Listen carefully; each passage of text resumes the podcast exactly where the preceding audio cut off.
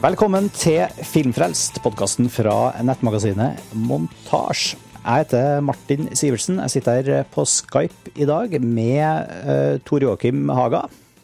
Hallo, ja. Hallo. Sveinung Vårdengen. Hei. Lars Ole Kristiansen. Hei sann. Hallo, hallo. Og Karsten Meinick. Hei, hei. Hallo. Jeg er spedd utover. Noen i Oslo, noen i Trondheim. Godt nyttår, folkens. Godt nyttår. Godt Ja. nyttår. Ja. Da er det 2016, rett og slett. Ja, det er 2016, og det er jo nytt år det skal handle om. For vi må ha jo fortsatt, som vi alltid pleier å gjøre, vi har fortsatt ikke spilt inn og, og publisert episoden vår som oppsummerer året som gikk. Så det er jo det vi skal gjøre nå. Vi skal vie en hel Filmfrelst-episode til filmåret 2015. Vi skal snakke om eh, favorittfilmene våre, så kanskje Kanskje si noen eh, oppsummerende ord om, eh, om året. Det kommer litt an på, da, folkens. Har vi noe fornuftig å si om filmåret 2015? Er det, er det noen spesielle trender eller noe som, som er verdt å snakke om egentlig fra i fjor, sånn rent sånn eh, overblikksmessig? Det er alltid et veldig vanskelig spørsmål som du stiller hvert eneste år Ja. i denne podkasten. Vi kan jo snakke lenge om det uansett, selv om vi ikke har noe å si. Men altså, hvis vi klarer å liksom, vi, Ja, det, det er altså- lov å svare nei på spørsmålet, at vi bare hopper rett til favorittfilmene våre og sånt. Men hvis det er Ja, men vi kan jo ja. forsøke å si noe. Altså, det er noe med at det er så kunstig å samle noen filmer sammen på en måte Fra hele verden, for fra, ja, det, eh, til å liksom representere et år. Det er litt enklere, synes jeg, hvis man ser på et helt tiår, eller til og med en femårsperiode. Så kan man liksom ganske tydelig gjerne se noen tendenser som har fått utviklet seg eh, over et stykke tid. Eh, men eh, hvis jeg skal si tenk, altså Den første tingen som slår meg når du, når du, når du stiller det spørsmålet, er at at 2015 er litt et sånn brytningsår. Fordi etter, etter en periode på 2000-tallet hvor det har vært veldig mye Altså hvor man har sett en veldig sånn omfavnelse av teknologiske fremskritt innenfor filmskapingen. eh, Med digitalt foto, digitale effekter, eh, med Avatar, egentlig, er, og 3D, ikke minst. Med Avatar som en sånn slags Mount Everest eh, for, for den typen påkostet, moderne underholdningsfilm. Så, eh, så har man i, i 2015 sett en, eh, ganske mange diskusjoner rundt eh, da, Kanskje ikke spesielt i Norge, men for å lese mye internasjonal filmkritikk og sånn, så har man sett veldig mange diskusjoner rundt hva film egentlig er for noe. Og, og, og hvorvidt den teknologiske utviklingen egentlig har så veldig mange fordelaktige ting ved seg. Man merker en sånn nostalgisk savn etter, etter film som, som noe organisk. eh, Og den analoge filmen, 35 mm-film, 65 mm, 70 mm Det er blitt veldig veldig mye snakk om disse gamle formatene, og flere og flere av de store filmskaperne velger jo nå igjen å skyte på 35 mm eller 65 mm. Star Wars The Force Awakens er et eh, eksempel. The Hateful Eight, som vi nettopp har sett, eh, er et annet. Ja, og, eh, og, og noe som på en måte igangsatte dette, skjedde vel ca. for et år siden, hvis ikke jeg husker feil, jeg tror det var i fjor vinter, hvor Kodak rett og slett som den siste gjenværende produsent av analogfilm, altså etter at Fuji og mange av de andre konkurrentene har sakte, men sikkert bare sluttet å lage analogfilm, så hadde Kodak et møte med Hollywood hvor de rett og slett sa vil dere ha dette formatet? Kodak har jo på en måte hatt gått gjennom en slags sånn teknisk konkurs, men altså patentene og produksjonsapparatet og alt står jo der. på en måte. Og da var det sånn at mange av disse filmskaperne, de største, altså Christopher Nolan, Steven Spielberg, JJ Abrams, som skulle gjøre Star Wars og sånn, det, det ble rett og slett nedfelt en avtale hvor Hollywood-studioene samlet liksom forpliktet seg til å bestille så og så mye 35 mm opptaksfilm, sånn at Kodak visste at de hadde bestillinger, liksom. Kunne holde Eh, fabrikkene i gang, ja. Mm. ikke sant? Nye Bond-filmen, som er en av filmene fra 2015, Spectre, ble skutt på film. Eh, mange av de virkelig store filmene har gått tilbake til å skyte på film. Og, og man ser også en utjevning i form av at film, altså det analoge filmformatet også begynner nå å i hermetegn slå seg til ro som en nisje. Som Ja. et uttrykk som er én av palettene filmskapere kan bruke. Istedenfor at det digitale nå er liksom forskningsområdet, så er det blitt standarden. Og så har man eh, i ganske tydelig grad nå landet på at det analoge skal få sin egen bit, og det blir eget uttrykk. Og vi ser det til og med i norsk film. da. Debutanten Henrik Martin Dalsbakken, som kom med filmen 'Å vende tilbake' i februar, skjøt på film. Og han, var jo på en måte, han er jo regnet som en lavbudsjettsfilmskaper som gjør nesten alt selv, og hadde ikke fått støtte av Filminstituttet engang. Og kom på banen med en film skutt på 35 mm. Og vi ser jo mye norsk film, diskuterer mye norsk film, og man ser jo at den filmen skiller seg ut visuelt.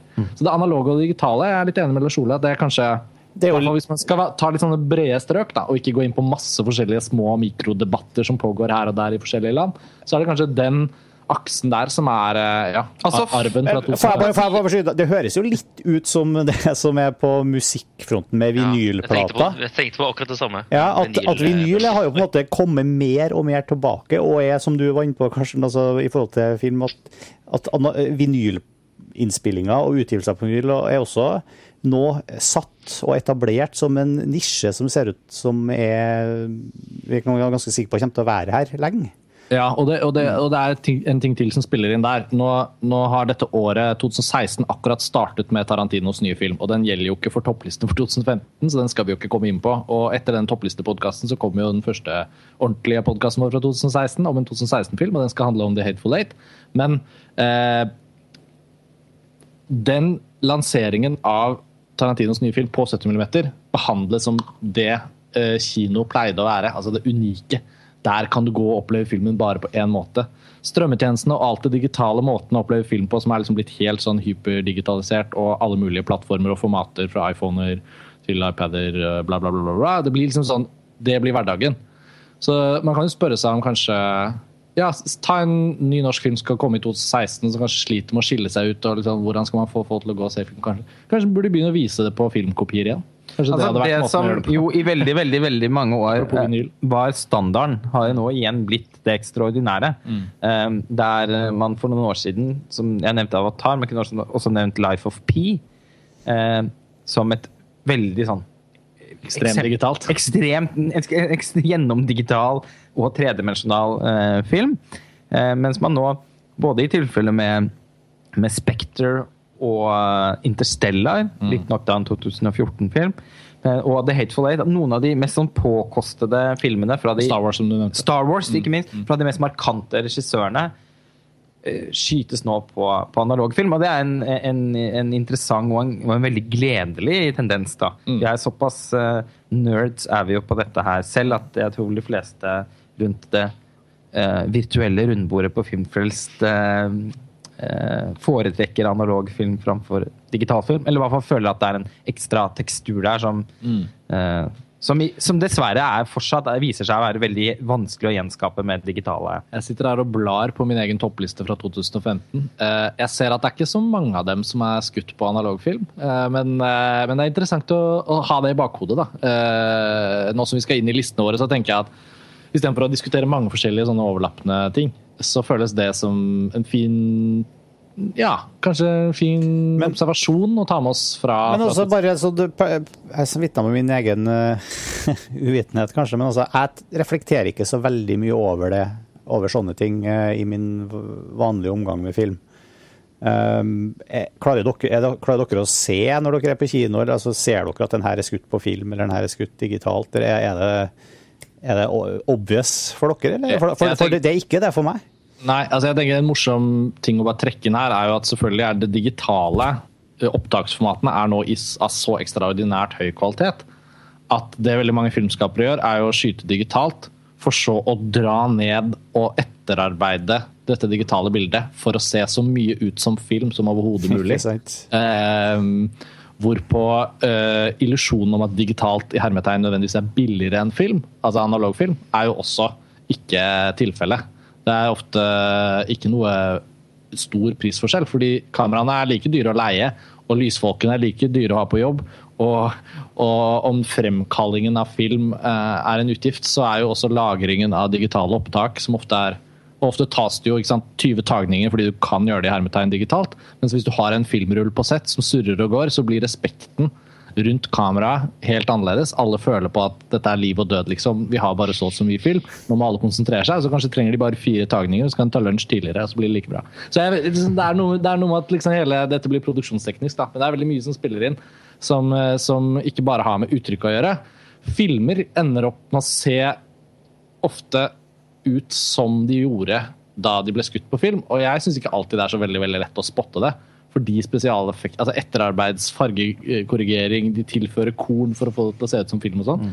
Eh, mens, mens ofte så er det jo nå sånn at det å si at en film er skutt på analog film, er en del av promoteringen.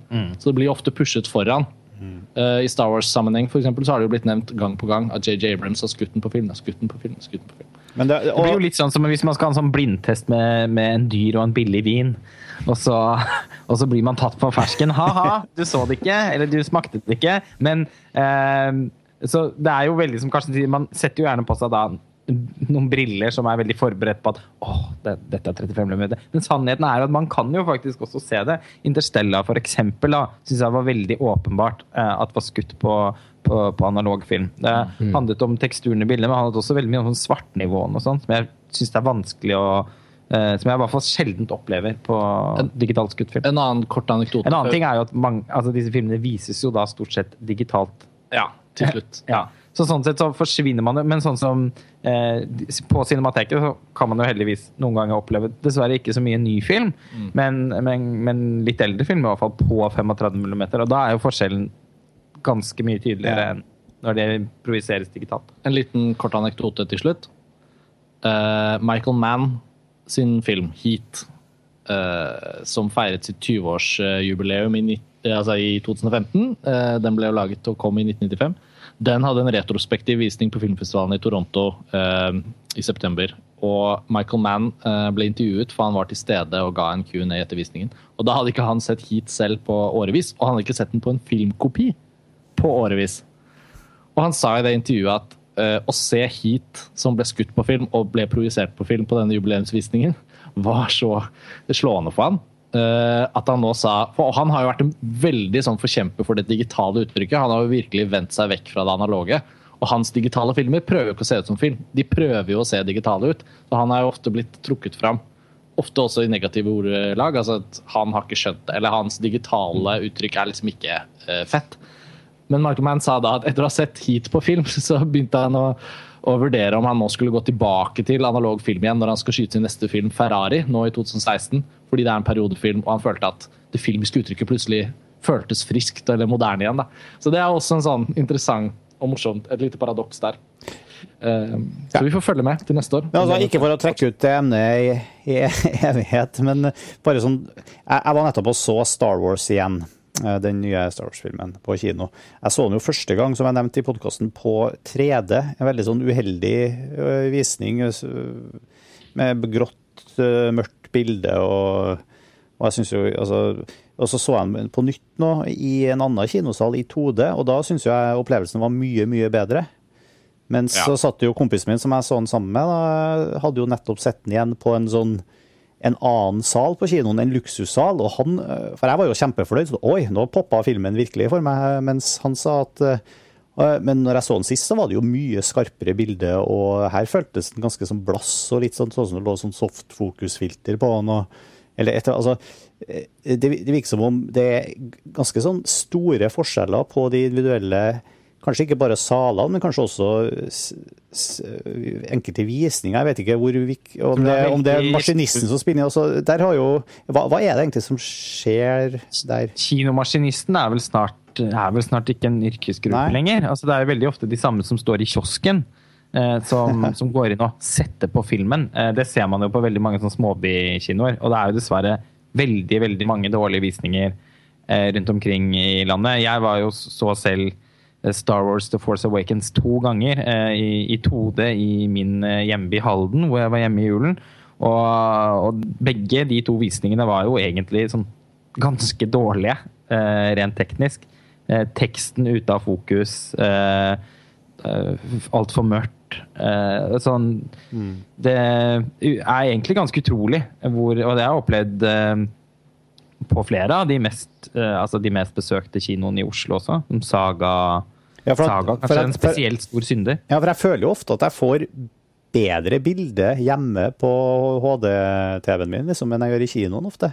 Ja, det er fælt å si det. Altså, jeg syns jo, etter at jeg fikk meg prosjektor og lerret og et ordentlig hjemmekinoanlegg hjemme, så kan jeg jo ikke si noe annet enn at jeg veldig ofte i hvert fall syns at det blir bedre enn å gå på en vanlig kino. Og det er jo ikke noe Men så har man Cinemateket og, og sånn, da, som virkelig kan levere første, førsteklasses visningskvalitet. I det hele tatt, det at vi sitter og snakker om dette nå, eh, er jo Jeg syns det er litt sånn oppsummerende for året, for jeg syns det er en debatt som jeg ikke kan huske at man har hatt i tilsvarende grad da, i, i tidligere årganger hvor vi har drevet uh, montasje. Hvis vi skal nå bevege oss bort fra dette og, og komme oss inn på en slags sånn vurdering av filmåret som helhet, før vi uh, straks setter i gang med, med de individuelle listene våre, så er vel min betraktning at eh, dette vet jeg at vi har snakket om før på, på de tidligere podkastene. At egentlig så er det jo litt sånn at hvert eneste år er et bra år. Ja, jeg skulle til å si det. Kan jeg få lov å si det? Dette var et bra år. Ja.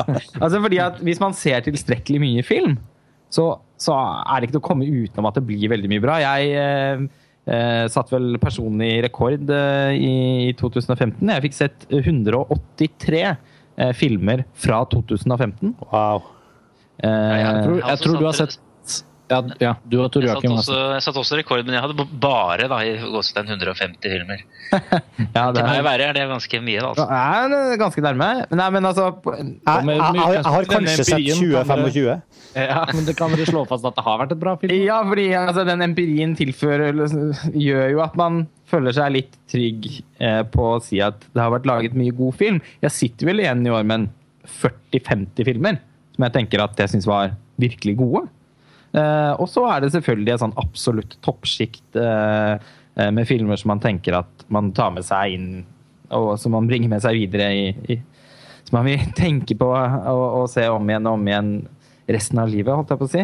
Men når det er sagt, så føler jeg kanskje at 2015, i hvert fall sånn som filmåret er definert for oss, vil si dette er filmer som enten har hatt norsk kinopremiere i 2015, eller som vi har sett på festival eller på cinematek eller på en eller annen måte, men som da ikke har premiere i 2016 på kino i Norge. Det vil si at det er ingen av filmene vi kan snakke om som, selv om vi har sett dem i 2015, sånn som f.eks. The Assassin av Ho Chen, eller eh, Trois Souvenirs de Machiniste av Arnaud Deplechant, to av våre, uh, våre to, tror jeg, felles favori, eh, redaksjonens felles favoritter fra, fra Cannes-festivalen i fjor, de er jo da ikke med på 2015-listen vår, fordi at de har norsk kinopremiere i 2016.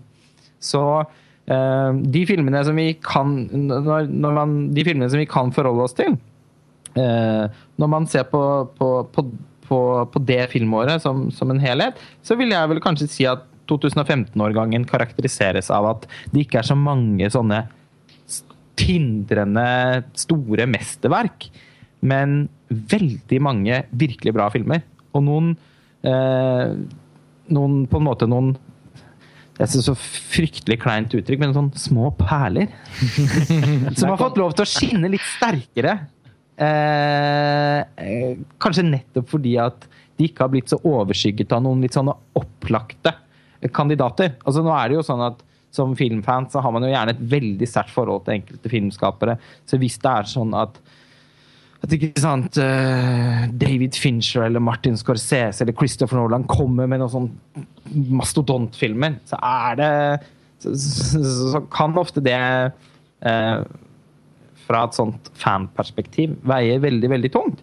Mens i år føler jeg i hvert fall for min egen del da, at det er noen mindre filmer som har føltes litt sånn, sånn oppdagelser, eh, og som gjennom året ikke da har blitt overskygget av, eh, av filmer som jeg på en måte i utgangspunktet hadde større forventninger til.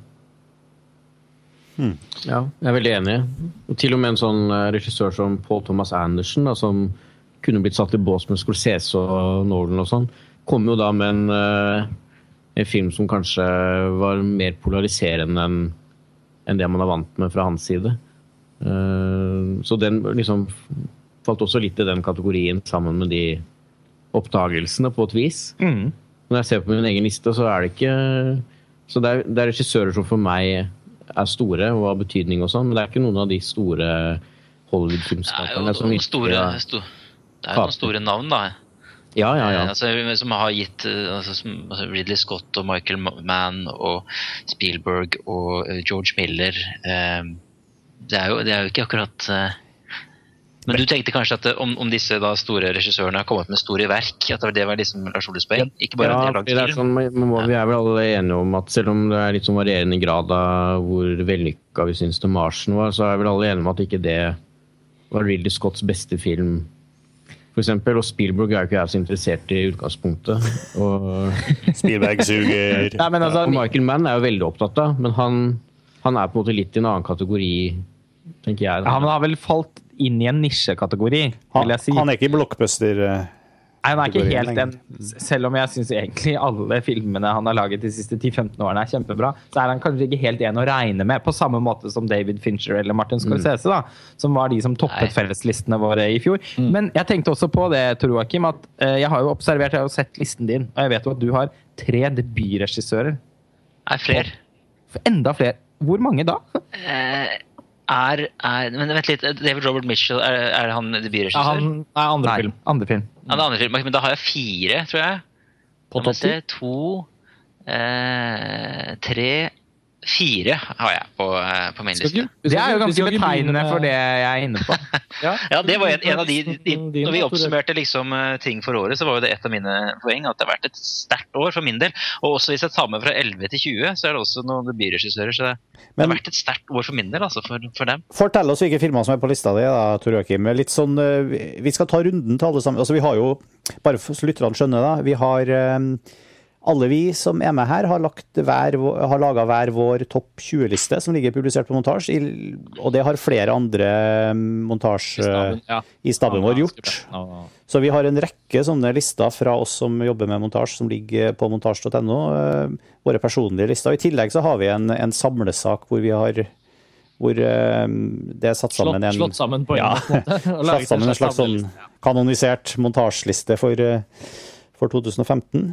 Men det vi skal gjøre nå, er liksom å, gå inn på hver enkelt av oss som er med her i Filmfrelst eh, i dag, og la hver enkelt få en sjanse til å si noen ord om eh, å trekke fram noen filmer fra lista si. Da. Så Tor Jøkim, du er jo veldig aktuell kandidat for å fortelle litt om eh, hva, hva du satte aller mest pris på i år, og trekke fram et par filmer fra lista di. Ja, jeg har jo um, Ja, som jeg sa, jeg har, jeg har fire, fire debutanter innen topp ti, og jeg tror jeg har Jeg prøvde å regne på Jeg tror jeg har sju, seks eller sju, jeg. Nei. Ja, til sammen. Jeg, det må dobbeltsjekke det. Men i hvert fall vært veldig sterkt år for, for debutantene. Og um, den filmen som jeg har satt som nummer én, er jo er jo en film som virkelig tok meg med, med storm, og som jeg skrev et, en brennende artikkel eller en omtale om i, i montasje. Og det er jo en film som har fått mye omtale ellers. Uh, Alex Galens uh, Ex Machina, eller Machina. eh, jeg er nok ikke enig om hvordan uttales. Um, som, som jeg syns rett og slett er den sterkeste debutfilmen siden eh, American Beauty. Det er jo store ord, da. Men eh, det er jeg står inne for det. Den er liksom akkurat i mitt territorium med, med nok eh, spenst på det audiovisuelle siden, uten at det liksom eh, Men samtidig organisk inne i en, i en fortelling som er meddrivende, og filosofi og alt dette her. Så, så den, den, den topper min liste. Jeg registrerte registrert at den to Om ikke topper, så er den med på en del andre lister uh, i andre tidsskrifter Jeg, også. jeg har også den veldig veldig høyt oppe. Jeg har den på, Ja, tre, den på tredjeplass på min eh, liste. Mm. Den Ja. gjør det jo skarpt jevnt over, uh, Tor Joakim. Og, og, og jeg syns jo ikke det er noe overraskelse at den er på toppen av din liste. Jeg syns egentlig det var veldig flott at den ble årets uh, toppfilm. Eh, men altså, fjorårets toppfilm for deg var jo 'Lucy' av Luc Besson. Og det er noe med disse kvinnene, disse litt sånn eh, Hva skal man si eh, I Eksmakene så er det jo en, en kunstig intelligens. Det, det ligger jo som et premiss. Hun er jo en robot. Men, men Lucy blir jo også litt en sånn kunstig intelligens. Det er, er det en tematikk her hos deg? Ja, det er Disse godt. litt sånn syntetiske kvinnelige supermennesker. Nei, nei, det, det er mennesket 2.0. Men, men jeg er generelt, altså, om det er kvinner eller ei, så er jeg veldig opptatt av det, det, det kunstige intelligenser. Det har alltid vært en sånn sci-fi-greie hos meg. Og det er hos, jeg vet hos deg også, Martin. Jeg er veldig, veldig fascinert av det temaet generelt. Da. Og Jeg syns også det var en utrolig bra film. Altså. Så eh, jeg bare synes det var interessant. Og, og det er jo, jeg ser på mine egne lister også jeg, fra de siste årene, så tenker jeg sånn Hva er det, hva er det det går i? Kan jeg spore noen egne trender hos meg selv? og nå tenkte jeg bare på, siden vi snakket om det også for eksempel. Ja. Siden, Ja, men det er godt poeng, da. om listen Men- din i fjor. Men det er jo, det er jo en, en, en annen liten trend at det har vært, i hvert fall tre, altså det har vært flere filmer om dette med artificial intelligence eh, i år. Mm. Eh, med den Big Hero 6 og Chappie som to, de to andre kanskje mest eh, kjente. da. Mm. Eh, så, Og, og, så og, det jo, og det er jo en forlengelse av den, den eh, altså, jeg skulle til å si, den tematikken som, som gjennomsyrer mange av de filmene som vi er så, de sci-fi-filmene som vi er så glad i Mm. Fra før, som vi kommer tilbake til stadig vekk. Altså, fra Blade Runner og 2001 og, og alle de her som, som ved å ta opp de problemene Nå er det jo kunstig intelligens som er veldig sånn aktuelt og reelt, fordi det foregår så mye Det brukes så mye ressurser og penger konkret på sånn eh, eh, på teknologisk utvikling spesifikt på kunstig intelligens av alle de store altså Google og, og OpenAI og Facebook og sånn investerer enorme mengder på å forske på tingene her. og det, det popper jo da opp, også opp eh, veldig mye filosofisk diskusjon rundt og sånt, men altså det handler jo også om at uh, igjen å, se på, på liksom, hva er det vi eh, velger å altså Samme som replikantene i, Blade Runner. altså Når vi skaper noe, når vi skaper vesener, enten de er faktisk, har faktisk bevisste opplevelser eller ikke, eller de har følelser eller ikke, eller bare later som gir uttrykk for at de har det, eller er programmert på en måte som vi gjør at vi tror at, altså På et annet tidspunkt så må vi ta, noe,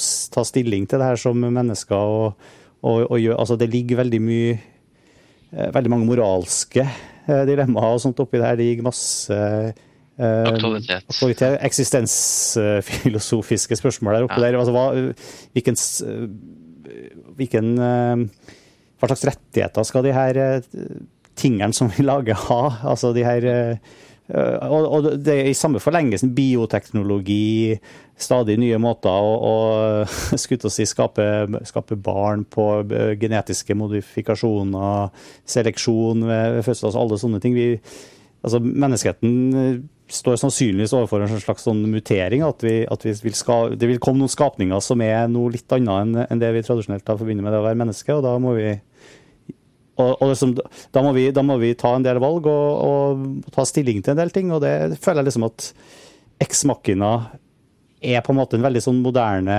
eh, manifestasjon av den tankerekka som har vært med oss eh, liksom i film også i 30-40 år. Ja. Ja, Det som er litt fint, er at det er på en måte altså Disse problemstillingene du snakker om, det, det manifesterer den også gjennom sine virkemidler. Da. At det, Mm. det her med eh, roboten som en avspeiling av, av mennesket, å bruke faktiske speil ikke sant, i denne, i denne undergrunns eh, laboratoriesaken som de beveger seg rundt i. At det er mye speilflater og, og mye spennende lek med vinduer og sånt. og det det, det er sånn som jeg setter pris på. og, eh, og det er sånn det ser jeg også på en del av disse andre filmene som, som også har som Lost River, eh, Ryan Goslings eh, debut, og eh, Mad Max Fury Road selvfølgelig. Nightcrawler, også en debutfilm av Dan Gilroy.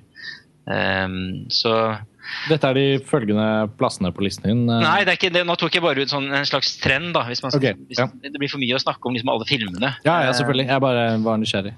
Men det, det, de som liksom bruker den, her, den, den stilistiske eksessen på en litt diskré måte Det hørtes motsigende ut, men, men det, det er sånn fellestrekk for dem. Eh, eller at det er da flotte vistaer som også går igjen selvfølgelig mye i filmene som jeg har med, som, som Teeb og Jauja og The Martian og Slow West og, og sånne ting. Så, er, så det er Men, ja, men eh, Nei, altså, det er uh, topp tre. Ex Machina nummer én. Uh, Lost River, Ryan Goslings eh, Ryan Goslings eh, også debutfilm på andreplass. Masse spennende å si om det nå. Den har ikke gått Eh. på kino i Norge.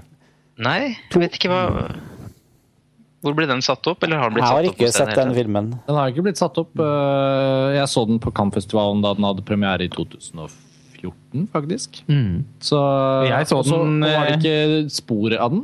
Og så kom den på kino i Frankrike i 2015, var det ikke sånn? Jo, jeg så den eh, i april 2015 på vanlig kino i Frankrike. Jeg var på en sånn TV-messe i Cannes og så den to ganger. Eh, Grep anledningen til å få sett den to ganger der. Og jeg syns også den er veldig bra, og det er forbløffende faktisk at ikke den faktisk, Det er mange filmer som ikke kommer på kino, men at en sånn type film ikke plukkes opp i Norge, det syns jeg er helt merkelig. Jeg skrev jo en eh, sånn distribuer denne artikkel om Lost River i håp om at eh, noen kunne plukke den opp. Mm, Cinemateket, f.eks.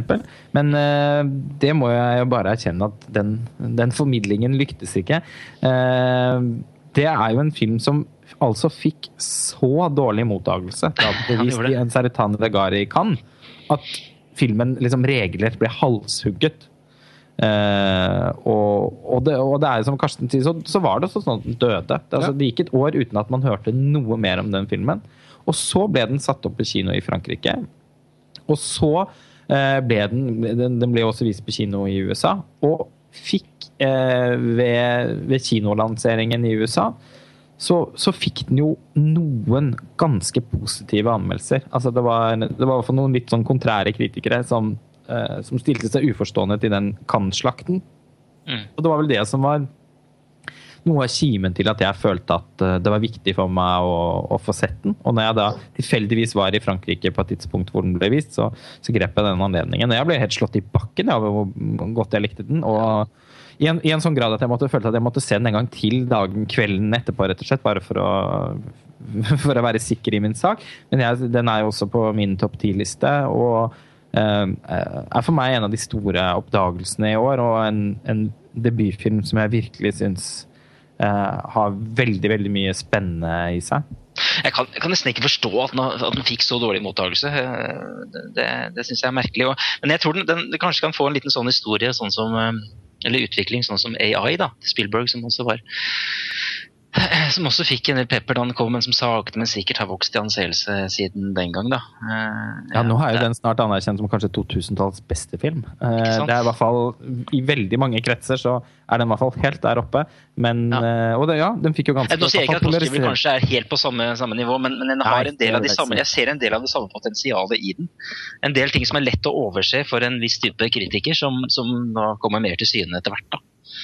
Sveinung, du har også sett Lost River? Mm. Jeg likte den veldig godt øh, og ser alle kvalitetene, men det jeg tenkte på hele tiden underveis, var at øh, det føltes ikke som Ryan Gosling sin film. Det føltes mer som at han hadde liksom plukka et lag med filmarbeidere eh, som han hadde jobba med eller fått kontakt med i løpet av sin karriere som skuespiller. da. Uh, liksom, Pluss David Lynch, da, selvfølgelig. Ja, ja. ja, det var også veldig tydelig synes jeg, hvem han var inspirert av. og sånn. Men det gjør jo ikke filmen noe dårligere. Eh, Jeg syns bare altså, det var litt som en, Han er veldig en sånn håndverker som har liksom plukket de rette materialene. Mm. Men de materialene er jo så gode, så det Ja, det kan jo ikke bli noe annet enn bra. Ja, det, det er det som er så merkelig med den eh, totalslakten av filmen. Altså fordi det er jo eh, Man kan godt si at den er litt pretensiøs. Man kan også godt si at den, historien ikke veier veldig tungt i hånden. Eh, Men den er veldig godt spilt, og den har en helt sånn overveldende visualitet. Takket være Benoit Deby, en av verdens beste fotografer, som jobber fast med Gaspar Noé, og som også skjøt Spring Breakers. Eh, og den har altså, en fantastisk syntmusikk av, uh, av Kavinsky. Johnny Jewel. Ja, Mm. ja, men Chromatics, Ja, Chromatics, er, mener jeg. tittel- Ja, Chromatics. Som man Ja, har blitt kjent med gjennom Drive, sikkert. Ja, og det er ganske mye drive i filmen også. Chromatics, selvfølgelig. Eh, og den har en Den måten den bruker liksom locations på, og settingen, eh, er jo Der kan man jo virke Der syns jeg man også kan snakke om et regitalent, da. Altså, selv om jeg er enig i det du sier, Sveinung, at eh, han vet å plukke de gode råvarene. Eh, Eirik Frisvold Hansen eh, i sin, syns jeg i hvert fall, hysterisk morsomme gjennomgang av Jan Vardøens debutfilm 'Høst'. Eh, som ble, en artikkel som ble publisert på montasje tidligere, eller i høst. Eh, I 2015. I 2015. Eh, der Var ikke det den han Lofoten-debutfilmen hans? Den der Lo- Søvnløs i Ja da, eller? det var en, debutfilmen til Vardøen, og så fulgte han den opp med 'Høst i ja, høst'. høst. Ja.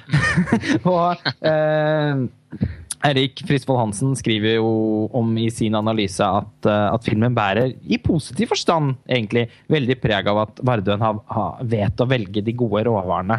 Eh, og at han har jobbet sammen med dyktige fagfolk, og at det kanskje er litt vanskelig å se han som en filmskaper i all denne liksom, håndverkskvaliteten. Eh, og, og jeg, jeg, skjønner veldig godt hva du mener med det, Sveinung. fordi eh, den store autøren i Lost River blir jo på en måte til syvende og sist Benoit de Bie. Mm. Og det var ikke sånn at jeg ikke satt og tenkte veldig mye på det når jeg så filmen, for det gjorde jeg. men jeg fordi at jeg også setter så pris på den fotografen, så ble også det noe av det jeg gledet meg aller mest over. At han fikk så stort spillerom. Mm. uh, og så får vi jo se da om, om, om, dette er en registemme som vil ta, ta oss med på, på, på, vel så spennende reiser i, i framtiden. Men jeg må si at det er veldig Det er lenge siden jeg har sett Ja, det er en debutfilm til på listen, da. Men uh, det er lenge siden eh, som, som, vi kommer tilbake til. Men det går i hvert fall lenge mellom hver gang jeg ser en, en debutfilm som føles så uh, mettet, og, og, og, og, hvor så mye strengt at det er på plass, da, som en Lost River. Ja, For meg er det bare Ex Machina egentlig, som, som slår den sånn, sånn, i år. Som mm. også er en uh, mettet film på alle mulige måter. Og det er en film som er mer interessant rent tematisk. og det, det Manuset i Ex Machina det er jo, Alex Garland er jo ikke minst manusforfatter også. Så han, han, har jo på en måte mer å bringe til torgs. Men både første- og andreplassen din, altså, Tor Joakim. Det, det, ja. det byr debuter, uh, faktisk. Ja, og også da Nightcrawler av Dan Gilroy og Faults av Riley Stearns, som også er på topp ti. Faults av Riley Stearns? Det er tilnærmet en ukjent tittel, nesten, for meg. Kan, det må det, du fortelle om. Jeg trenger ikke si så mye det om den, da, men det er jo Eller det kan jo folk lese når i artikkelen. Men eh, det er liksom årets Martha Marcy May Marlene, altså en sånn eh, kult kultfilm, på en måte, om, om kulttilhørighet av avprogrammering, hjernevasking og sånt. Uh, egentlig bare et kammerdrama mellom to, med to stykker som, hvor da én prøver å avprogrammere den andre inne i et uh, slitent hotellrom. Hva er det som gjør den så god, da? At den kommer på topp 10-listen din? Nei, den er, den er, For det første så er det et isolasjonsdrama som jeg i utgangspunktet er, er glad i, gitt visse forutsetninger. Som Ex Machina? For så vidt, ja. Og, og Buried? Og Buried, ja, det er jo sånn ekstremversjon. Men, men, men den, har, den, har, det, og hvordan man kan bruke hotellrommet som, som på en måte en eget egen personlighet. Den spiller inn på deres relasjon. Og så, er det, så har du noen fantastiske vendinger underveis som, som blir nesten litt sånn metafysiske og, og, og spesielle. Den, den, holder seg på et realistisk nivå, men alltid noe sånn uggent og rart og noe som ikke er helt riktig, som hviler rundt hjørnet. Ehm, så den, den, tok meg med en voldsom overraskelse. Ehm, eh, ja. Så den måtte med. Men det er årets på en måte sleeper hit da, som, som jeg tok med på, på niendeplass. Uh, følte den fortjente det. Mm. Ja, det som er artig å kunne trekke fram en film som, som veldig få har, få har hørt om, og enda færre har sett. Som, jo, ja, altså det var liksom den og Frank som var mine sånne årets mine sånne sånn Eh, ja, quirky. quirky. kan ikke bruke det ordet. Men Frank quirky. satte jeg veldig pris på, tror jeg. Så den har vi begge ja. på, på topp ti. Ja, det var en kjempe, kjempeartig og spennende film. Også. Ja, hva, Fortell om den. Det, den har jeg ikke sett. Ja. En film som i utgangspunktet jeg ikke egentlig skulle likt. Jeg liker jo ikke quirk. Men, eh, men den, den, er egentlig ikke quirky heller. Den er mer absurd, og det er noe jeg kan like. Altså, eh, denne Frank, denne rockeskikkelsen som alltid går med en sånn gigantisk stor maske, eh, spilt av Michael Fassbender.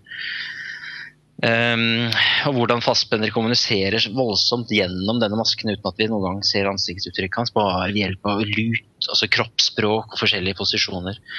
Uh, hvor, ja.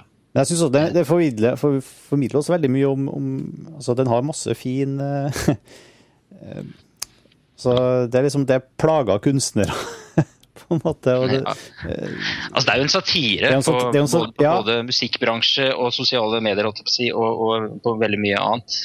Men Jo, men det er satire, men samtidig så er det også ganske sånn jeg vet ikke, jeg syns det er ganske rørende og følsomt samtidig. Altså, det, er, det, er det. det, er, ikke bare, det er ikke bare satirisk. Det, det klinger også veldig mye Jeg syns det er veldig mye sånn følelsesmessig klang i det, og det, er også en veldig musikalsk film, syns jeg. Ja, ja bokstavelig talt. Ja, ja, ja, rett og slett. Det, jeg synes det er kjempe, bare starten på filmen syns jeg er kjempefascinerende. Når han Jeg husker ikke nøyaktig hvilken setting det er, men altså han hovedpersonen som blir med i det bandet, som for øvrig er hovedrolleinnehaveren i, i X-Machina. Han, Ja, det er Donald Gleeson. Er Liksom, han er også med i Star Wars. Ja, jeg sa- han er jo det nye årets store skuespiller. År, altså. Men altså han, når han går rundt der og liksom lager de her nynner nynne eller klimprer på de her musikkstykkene i hodet, eller som prøver seg fram eh, eh, det, det satt jeg veldig Jeg husker ikke nøyaktig hvordan det foregikk i filmen, men han driver og prøver seg fram og bommer litt på notene og prøver å lage en sang og liksom prøve å altså bli Det etablerer, Ja. etablerer på en måte at han er ganske talentløs. Han er ganske talentløs, men han har ambisjoner om å lage musikk, og det, det er veldig morsomt. Samtidig så er det veldig sånn Ja, det her Jeg, jeg syns det, det det, en, det treffer en annen nerve som føltes veldig frisk, da, syns jeg. Ja. Det var, en, Så, ja. det var noe, helt enig, jeg syns det var en veldig morsom film. og bra film. Den kommer det var heller ikke på kino i Norge. Så det er bra at dere trekker fram de filmene Mm. som, som er litt under radaren. Men OK, eh, skal vi gå videre til Sveinung sin liste, kanskje? Ja. Ja. Hvordan ser, Eh. ser året ditt ut? Eller fjoråret? Eh, nei, det Altså, det er litt som vi, som vi snakka om innledningsvis, at det, det var ikke noen sånne store mastodonter som liksom krevde den Eller krevde de øverste plasseringene gjennom liksom flere måneder fram mot fram mot denne listen skal eh, publiseres. Fordi man, når man har lagd disse listene noen år, så går man rundt egentlig fra januar og begynner å liksom ha det i bakhodet at det skal ende opp med å bli en toppliste til slutt. Um, og min førsteplass eh, ble It Follows, som eh, har jo blitt en ganske sånn etablert montasjefavoritt. Og det var også min soleklare favoritt, og en film jeg holder veldig høyt. Så det er ikke det jeg mener at, den, at det ikke er en stor film, men det er jo på en måte Det er ikke The Wolf of Wall Street, sånn som det var i, i fjor, da, med Scorseses uh, uh, ja, ganske, en, en slags maktdemonstrasjon fra en gammel mann.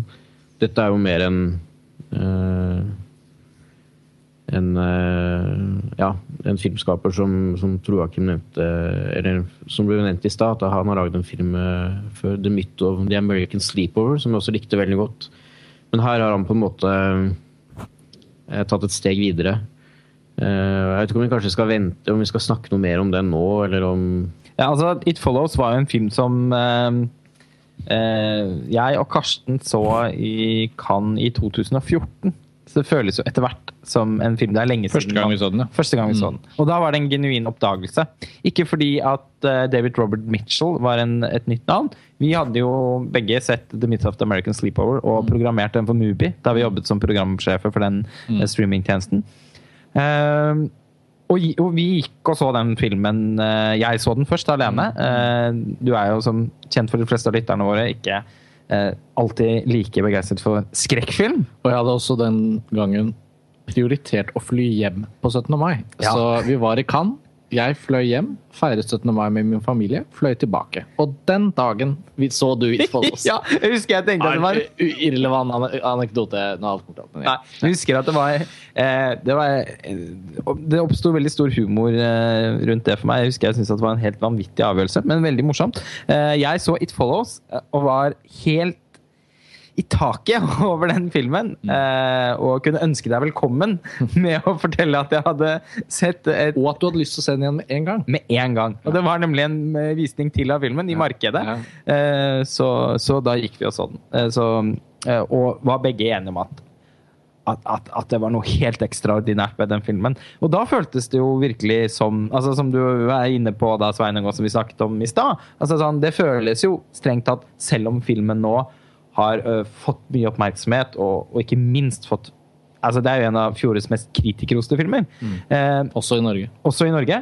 Men den føltes, føles jo likevel fortsatt som en oppdagelse, og som eh, Den på en måte bekrefter at vi har fått en ny, veldig spennende filmskaper. Mm.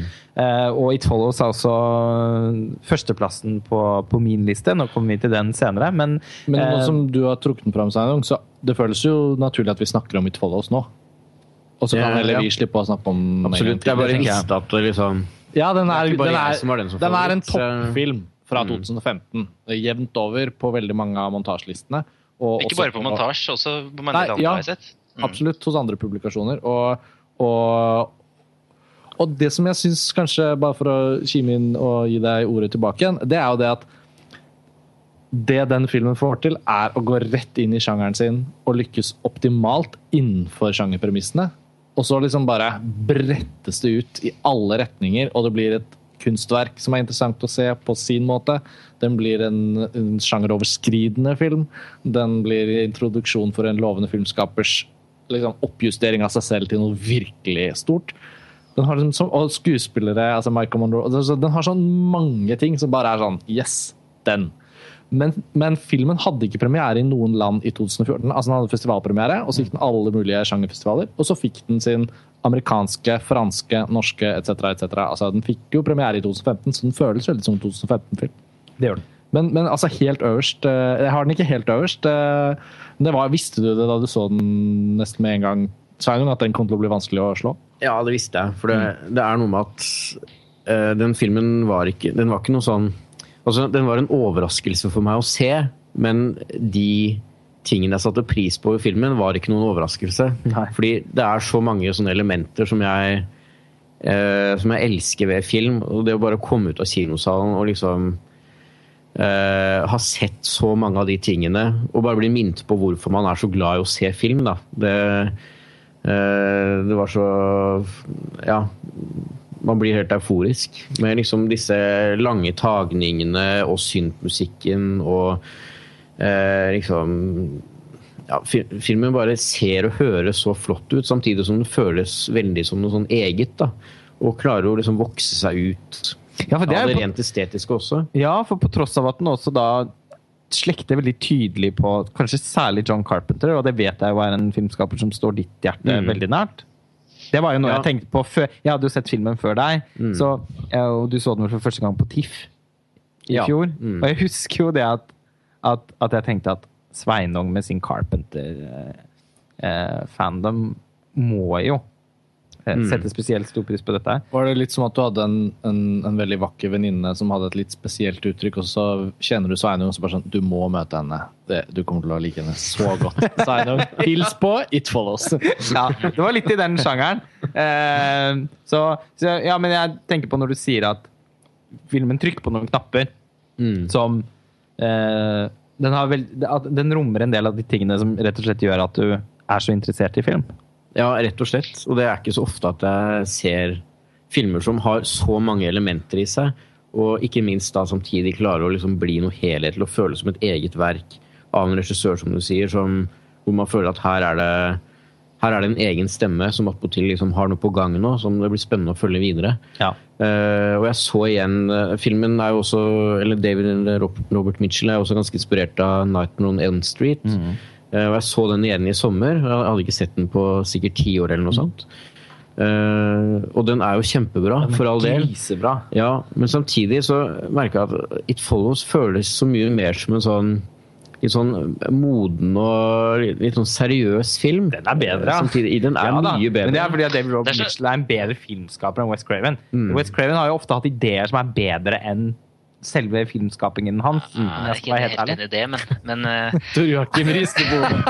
Nei, men altså Nei, men, Du har, du har også filmen på fjerdeplassen din. Ja, på eh, fjerdeplass, men det er Altså. West Cravens andre spillefilm var vel betydelig mer lurvete enn It Follows. Nå tenker du på um, House on the Corner, holdt jeg på å si?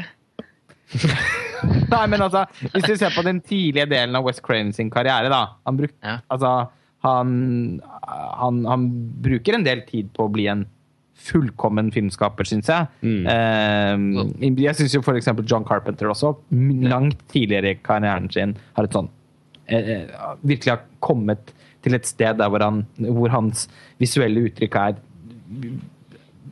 Ja. eh, Dark Star og sånn.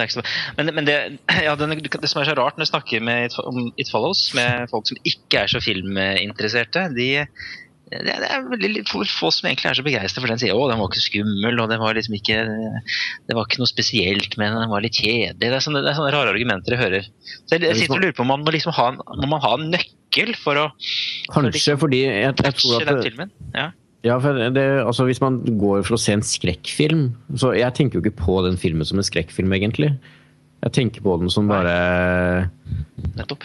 Egentlig mer av en oppvekstskildring, eller jeg vet ikke. Men, men bare Jeg tenker i hvert fall ikke på den som noen skrekkfilm. Jeg syns den var veldig, uh, veldig skummel, og spesielt første gangen jeg så den. Jeg tror kanskje vi så den sammen i, i Tromsø, tror jeg, Kim, og da husker jeg at jeg, jeg skvatt i kinosettet flere ganger. Så det er ikke Nei. det, men, men det er liksom eh, Den er jo mer ubehagelig enn den gjengse slasherfilm, syns jeg. Ja. Men kanskje nettopp fordi at den omsetter altså Den har jo veldig mange av motivene fra slasherfilmsjangeren, men den har jo byttet ut den maskekledde knivmorderen med, eh, med, denne, med disse followerne, Mm. som jo eh, han som, som, som. Som, som liksom Det handler mer om det underbevisste og om sånn genuin skrekk. Da, angst. Ja, og er, filmskapingen brukes for å fremstille det. Ja. Det er ikke eh, liksom mer at nå skal vi lage en skrekkfilm og ha med det og det, og så skal vi filme det. Nei. Sånn som jeg føler ofte at det kan være i, i nyere skrekkfilm, uten at jeg er noe ekspert på det. Men Ja, men altså, Det er mye nyere skrekkfilm også, men jeg syns lener seg veldig på å være en pastisj. da. mm, Eh, til og med de virkelig, flere av de virkelig gode filmene kan i hvert fall av og til føles som i overkant liksom tydelige hyllester til eh, det man tenker på som skrekkfilmens gullalder. da, Som er typisk sett er på 70, begynnelsen av 80-tallet. Eh, mens noe av det jeg har sett som jeg syns er så spesielt eh, med It Follows, er nettopp at den ved siden av å bare være en utrolig god film, syns jeg altså her, her synes, Den er så filmspråklig elegant at det er til å få frysninger av. Eh, kameraarbeid i filmen, altså de cinemascope-komposisjonene, eh, måten David Robert Mitchell evner å skape sånne intense stemninger på, med ganske sånn små, men veldig veldig elegante virkemidler. Det, er- det er sjeldent å se.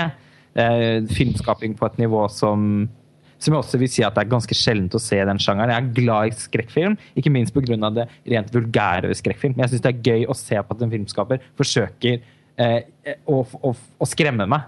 Jeg syns ofte det i seg selv kan være en underholdende opplevelse, uavhengig av om jeg blir skremt. Til og med uavhengig av om jeg syns det er en god film.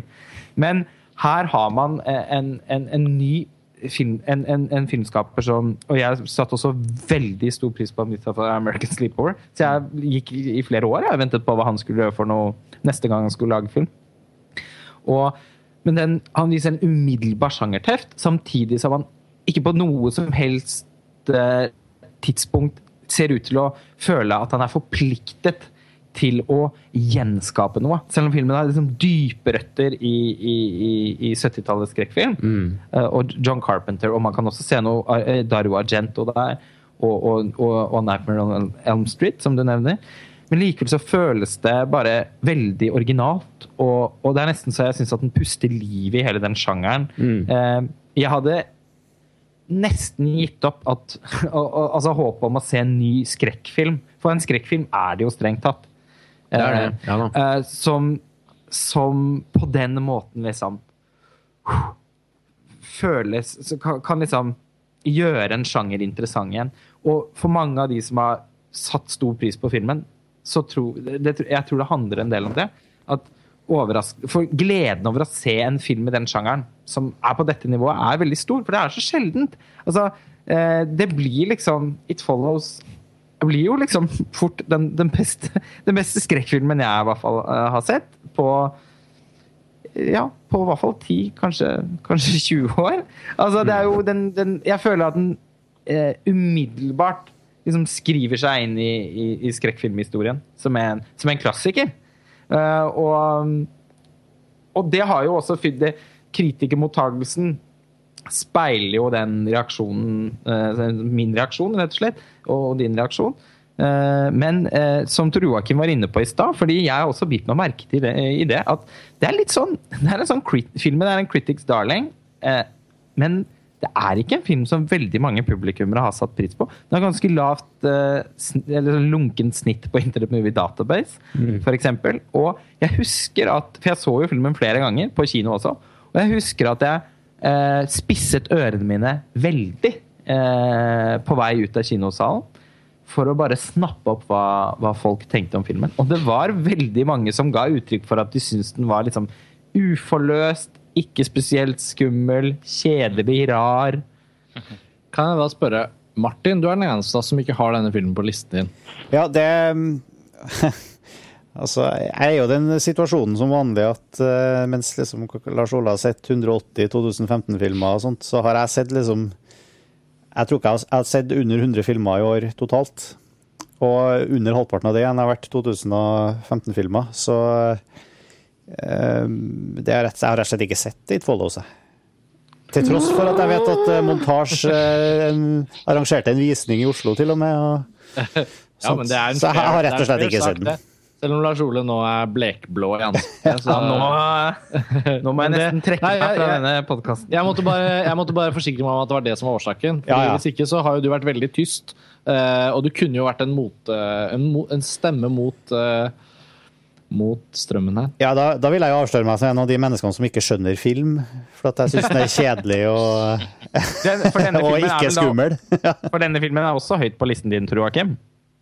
det også, ja.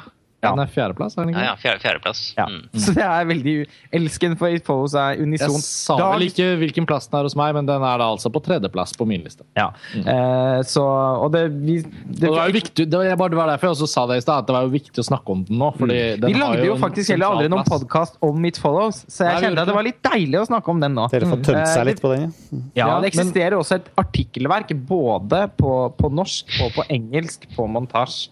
Eh, I tre deler, forfattet av eh, Dag Søtholt, som eh, vel så filmen nærmere 20 ganger, tror jeg. eh, og som har Som han gjør med alle filmer han skriver om. Ja. Ja, og som har nærlest denne filmen eh, på en særdeles imponerende måte. Vil jeg Til og med Harald Eia sendte oss en melding og sa at han hadde lest den. Så her er det, her er det bortenfor, bortenfor vanlige lesere. Det er vel også sånn at David Robert Mitchell eh, snappet den opp på Twitter. Vi fikk aldri noen tilbakemelding fra han, men eh, han, Han var vel for eh, opptatt med å snakke med Quentin Tarantino om hvordan han kunne gjort filmen bedre. Ja, for Quentin Tarantino syns jo It Follows var fryktelig bra, Lovende. men lovende. Men, eh, men kardinalfeil. Ja, nei, Vi kan snakke om It Follows til, eh, til hanen gale, kan man si. For det er jo faktisk da 2015s eh, Det er vel en slags sånn unison holdning, eh, og også når vi oppsummerer alle listene, at eh, It Follows er liksom 2015-filmen. Det er toppfilmen. Det er sjelden en film som på en måte går hjem så, med så mange, for vi, har jo litt, vi er jo litt forskjellig smak, eh, noen av oss. Eh, Det er sjelden, men det er ikke så sjelden. Jeg, jeg mener å huske at Scorseses The Wolf of Wall Street eh, spiste ganske mange av de andre filmene til ja, det middag. var ikke jeg så gira på, da, som dere. Nei. Så, eh, Nei, men, men, ikke for å, det var ikke for å opponere med med deg der, Tor Joakim. det, Det, det, det det, er til hyggelig for deg sånn- da, tror Joakim, at en av de felles toppfilmene også kan være på høyt Ja, det er gøy, for av og til så står det sånn montasjefavoritten sånn. sånn. Jeg tenker, nei, det er favoritten favoritten. Det var ikke noe, det var ikke noe De grå hårene pipler ut på, på Det ble, siden. det ble ikke Lucy som ble fellesfavoritten i fjor. Det gjorde ikke det. Men- men Men, akkurat han- ditt follows, den kan jeg liksom, der kan jeg være med på montasjefavoritten, og det er så gøy å si det av og til. Morsomt. Martin, du vet jo at dette er en film du, du må, du må ja, se. den står Og, på det, og dere lyttere som eventuelt ikke har fått sett It Follows, eller som tilhører gruppen som sier 'hva er greia', hvorfor hypes den filmen så voldsomt? Kom med, kom med innspill, eller kom dere, kom dere på den digitale leiebutikken og, og få sett den filmen. Det er, det eh, ja, selv om den ikke er øverst på min liste, så føyer jeg meg bare til det som er sagt. Eh, Sveinung, eh, vi var jo Kom så vidt i gang med deg. Vi kom så vidt i gang med deg. Du har vel noen andre Ja, for å prøve å liksom eh, komme med en film som kanskje ikke er alles favoritt, da, som ikke alle har på sin liste. Så jeg mistenker kanskje at Straight Out of Compton at den, Om ikke det er bare jeg som har den på lista mi, så er det kanskje også bare jeg som har sett den. Ja, jeg har ikke sett den. Ja, det er med stor sorg jeg må melde at den, den glapp akkurat. Den hadde først ikke kinolansering, og så fikk den litt kinolansering, og det var akkurat sånn at jeg ikke fikk sett den. Nettopp blitt ja. nominert til Producers, Producers Guild Award. Eh, Den seiler opp som en Oscar-kandidat. Oscar-kandidat, rett og slett. Ja, og den fikk jo eh, en slags sånn midlertidig distribusjon i Norge, eh, som er litt uvanlig fra, fra UiP. Ja. eh, distribuerte den, og det er litt uvanlig at de, kan jeg si nå da, etter ha jobba, jobba med kinodrift og sånn, at akkurat de Det er veldig uvanlig at de eh, liksom går for en sånn løsning. Og jeg vet ikke helt hva som var grunnen til da at de hadde valgt å distribuere den i utgangspunktet, men iallfall så eh, ble jeg litt sånn Jeg tenkte nå må jeg få sett den mens jeg har sjansen. Eh, og så eh, dro jeg og så den på en sånn eh, eh, slags premierevisning på Sentrum Scene, av alle steder. Hvor det var eh, eh, Tommy T og DJ Hercules fra Oi. National Rap Show spilte plater på forhånd. 90-tallet ringer på. Ja.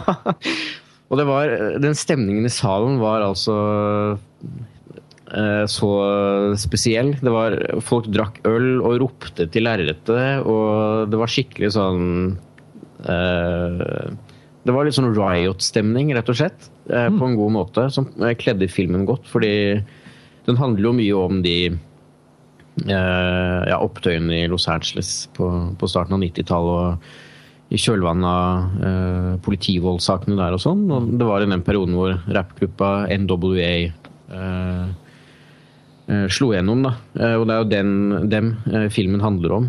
Eh, nå endte jo faktisk filmen opp med å gå i flere runder i, i Norge, i hvert fall i Oslo, ganske lenge. Så nå sjekka jeg her nå i stad, og den har blitt sett av i hvert fall 35 000 i Norge. Oi!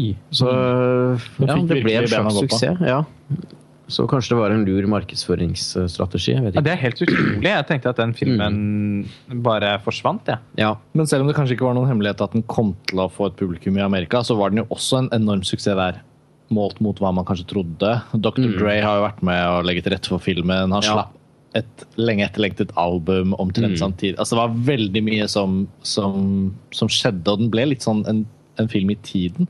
Eh, eh, Snakker den noe om det som pågår? Eller er den liksom også en kommentar til det kontemporære Amerika? For nå er det, blir jo en periodefilm, det er jo 25 år siden. Ja, det er, det er veldig en periodefilm, eh, og noe av det jeg likte best ved filmen, var hvordan den klarer å gjenskape den stemningen fra Los Angeles. Eh, Ikke at jeg har vært der, men bare liksom noe med, med hvordan eh, det ser ut der på, eh, på eh, slutten av 80-tallet og starten av 90-tallet og sånn. Eh, og det er en veldig sånn uh, Nå jeg leser gjennom filmen, og visstnok så er det en veldig sånn eh, Altså en, en veldig sømløs balanse, egentlig, i måten de har brukt eh, eh, altså kulisser og sånn, såkalt matte painting.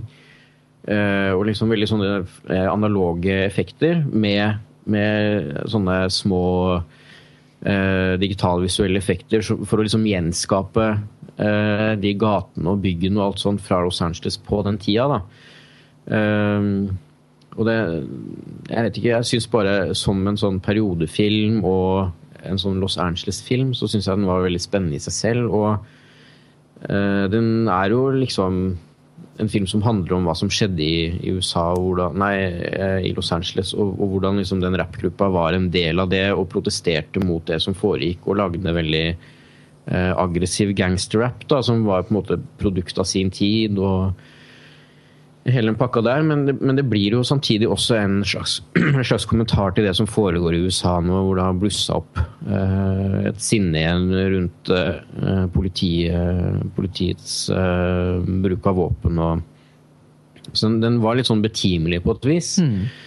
Eh, og filmen prøver liksom ikke for hardt å kommentere det, for det er, det er veldig en sånn formulaisk biopic på en måte. Og den er også ganske prega av at eh, Dr. Dre, som da var medlem av den gruppa, og, og andre av medlemmene har liksom vært inne og konsultert og sånn. Fordi eh, den føles litt som et sånt reklameprodukt også.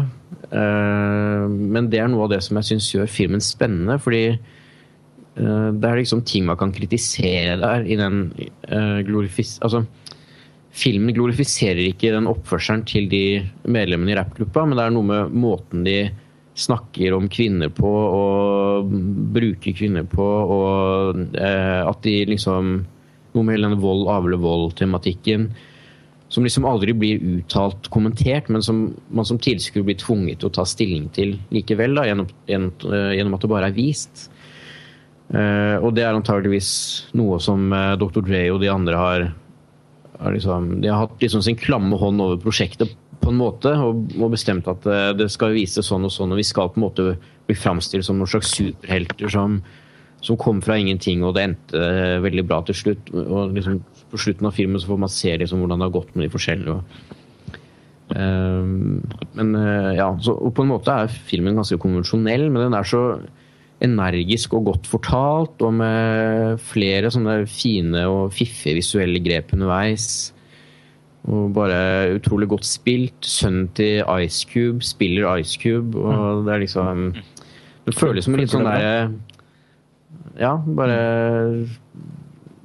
Det har vært de rette folka som har vært involvert, eh, på godt og vondt, da, kan man si. Ja. Det må jo si at eh, nå- har jeg også lest meg litt opp på filmen bare pga. den forbløffende suksessen i USA, og ikke minst nå fordi den plutselig er en Oscar-kandidat og sånn. Men eh, jeg må jo si at når du forteller om den, så får jeg jo kjempelyst til å se den. Eh, Den kan vel kanskje da heldigvis snart være å få tak i på video?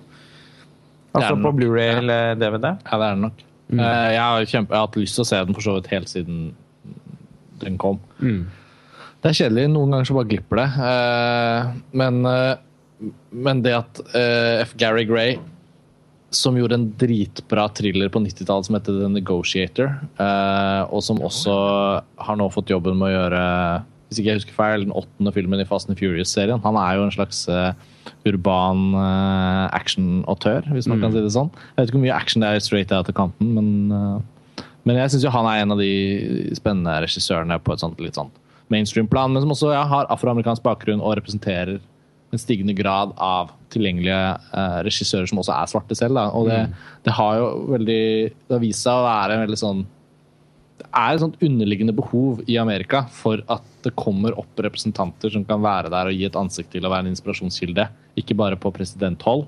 Vi ser jo det, at Obama betyr utrolig mye sannsynligvis for unge generasjoner av svarte amerikanere. Men, eh, men med Selma, som også er en 2015-film, regissert av Ava DuVernay, og, og en film som blir en 2016-film, Creed, regissert av, eh, av han, eh, hva heter han igjen, Ryan Coogler. Og her da F. Gary Gray, som har laget film for så vidt siden, siden tidlig på 90-tallet, men som, og som kanskje har gjort noen videoer og sånn. Jeg tror han har en sånn connection, han var der litt eh, den gang selv. Jeg vet ikke om han er en rollefigur i filmen, men, men uh, det er i hvert fall oppløftende da, at veldig mange av disse filmene fra svarte filmskapere også har lyktes. Og nådd et publikum og fått til innenfor forskjellige typer sjangere eh, å portrettere afroamerikanske historier. Ryktene forteller jo også nå at Spike Lee har laget sin beste film på mange år. Chirag. Eh, Chirac. Chirac. Eh, Chirag. det var en veldig fornorsket eh, måte å uttale. Kjærag eh, kaller vi det i Norge. Kjærag, altså det er der. Mye basehopping. Kjærleiken til Kjærag, eh, den nye filmen av Spike Lee. Eh, Den eh, blir jo da en 2016-film, og det er nok ikke, slettes ikke sikkert at vi får se den på kino i Norge, men eh, den lar seg vel på et eller annet tidspunkt streame. Mm. Eh, Den er produsert for Amazon. Mm. Og, det, og den, som en helhetlig trend, da, så var det jo i hvert fall veldig oppløftende, bare for å egentlig si at jeg også gleder meg til filmen, å se at Straight Out of Compton lyktes veldig. At det er en sånn typisk film som uansett om det er bra folk involvert eller prosjektet har vært lovende i utgangspunktet, også kan snuble litt hvis det blir for internt, hvis det blir for biografifilmlignende og sånn og sånn. Men det at den fikk liksom vært en del av tiden, eh, det er gøy. Og det kan resultere i Oscar-nominasjoner, som er jo ganske uventet. Men altså, det at denne filmskaperen eh, skal lage den åttende filmen i Fast and the Furious-franchisen, det kan jo kanskje flytte oss over på, på din liste, Karsten. For jeg vet jo at du som, ja, som en av de få, eh, i montasje i hvert fall, har eh, den syvende filmen i denne franchisen på din topp ti-liste. Det kan vi godt. Eh, Jeg så for meg at eh, Martin kanskje var neste listemann ut. eh, Men jeg kan absolutt hoppe, hoppe i det. Hoppe i det.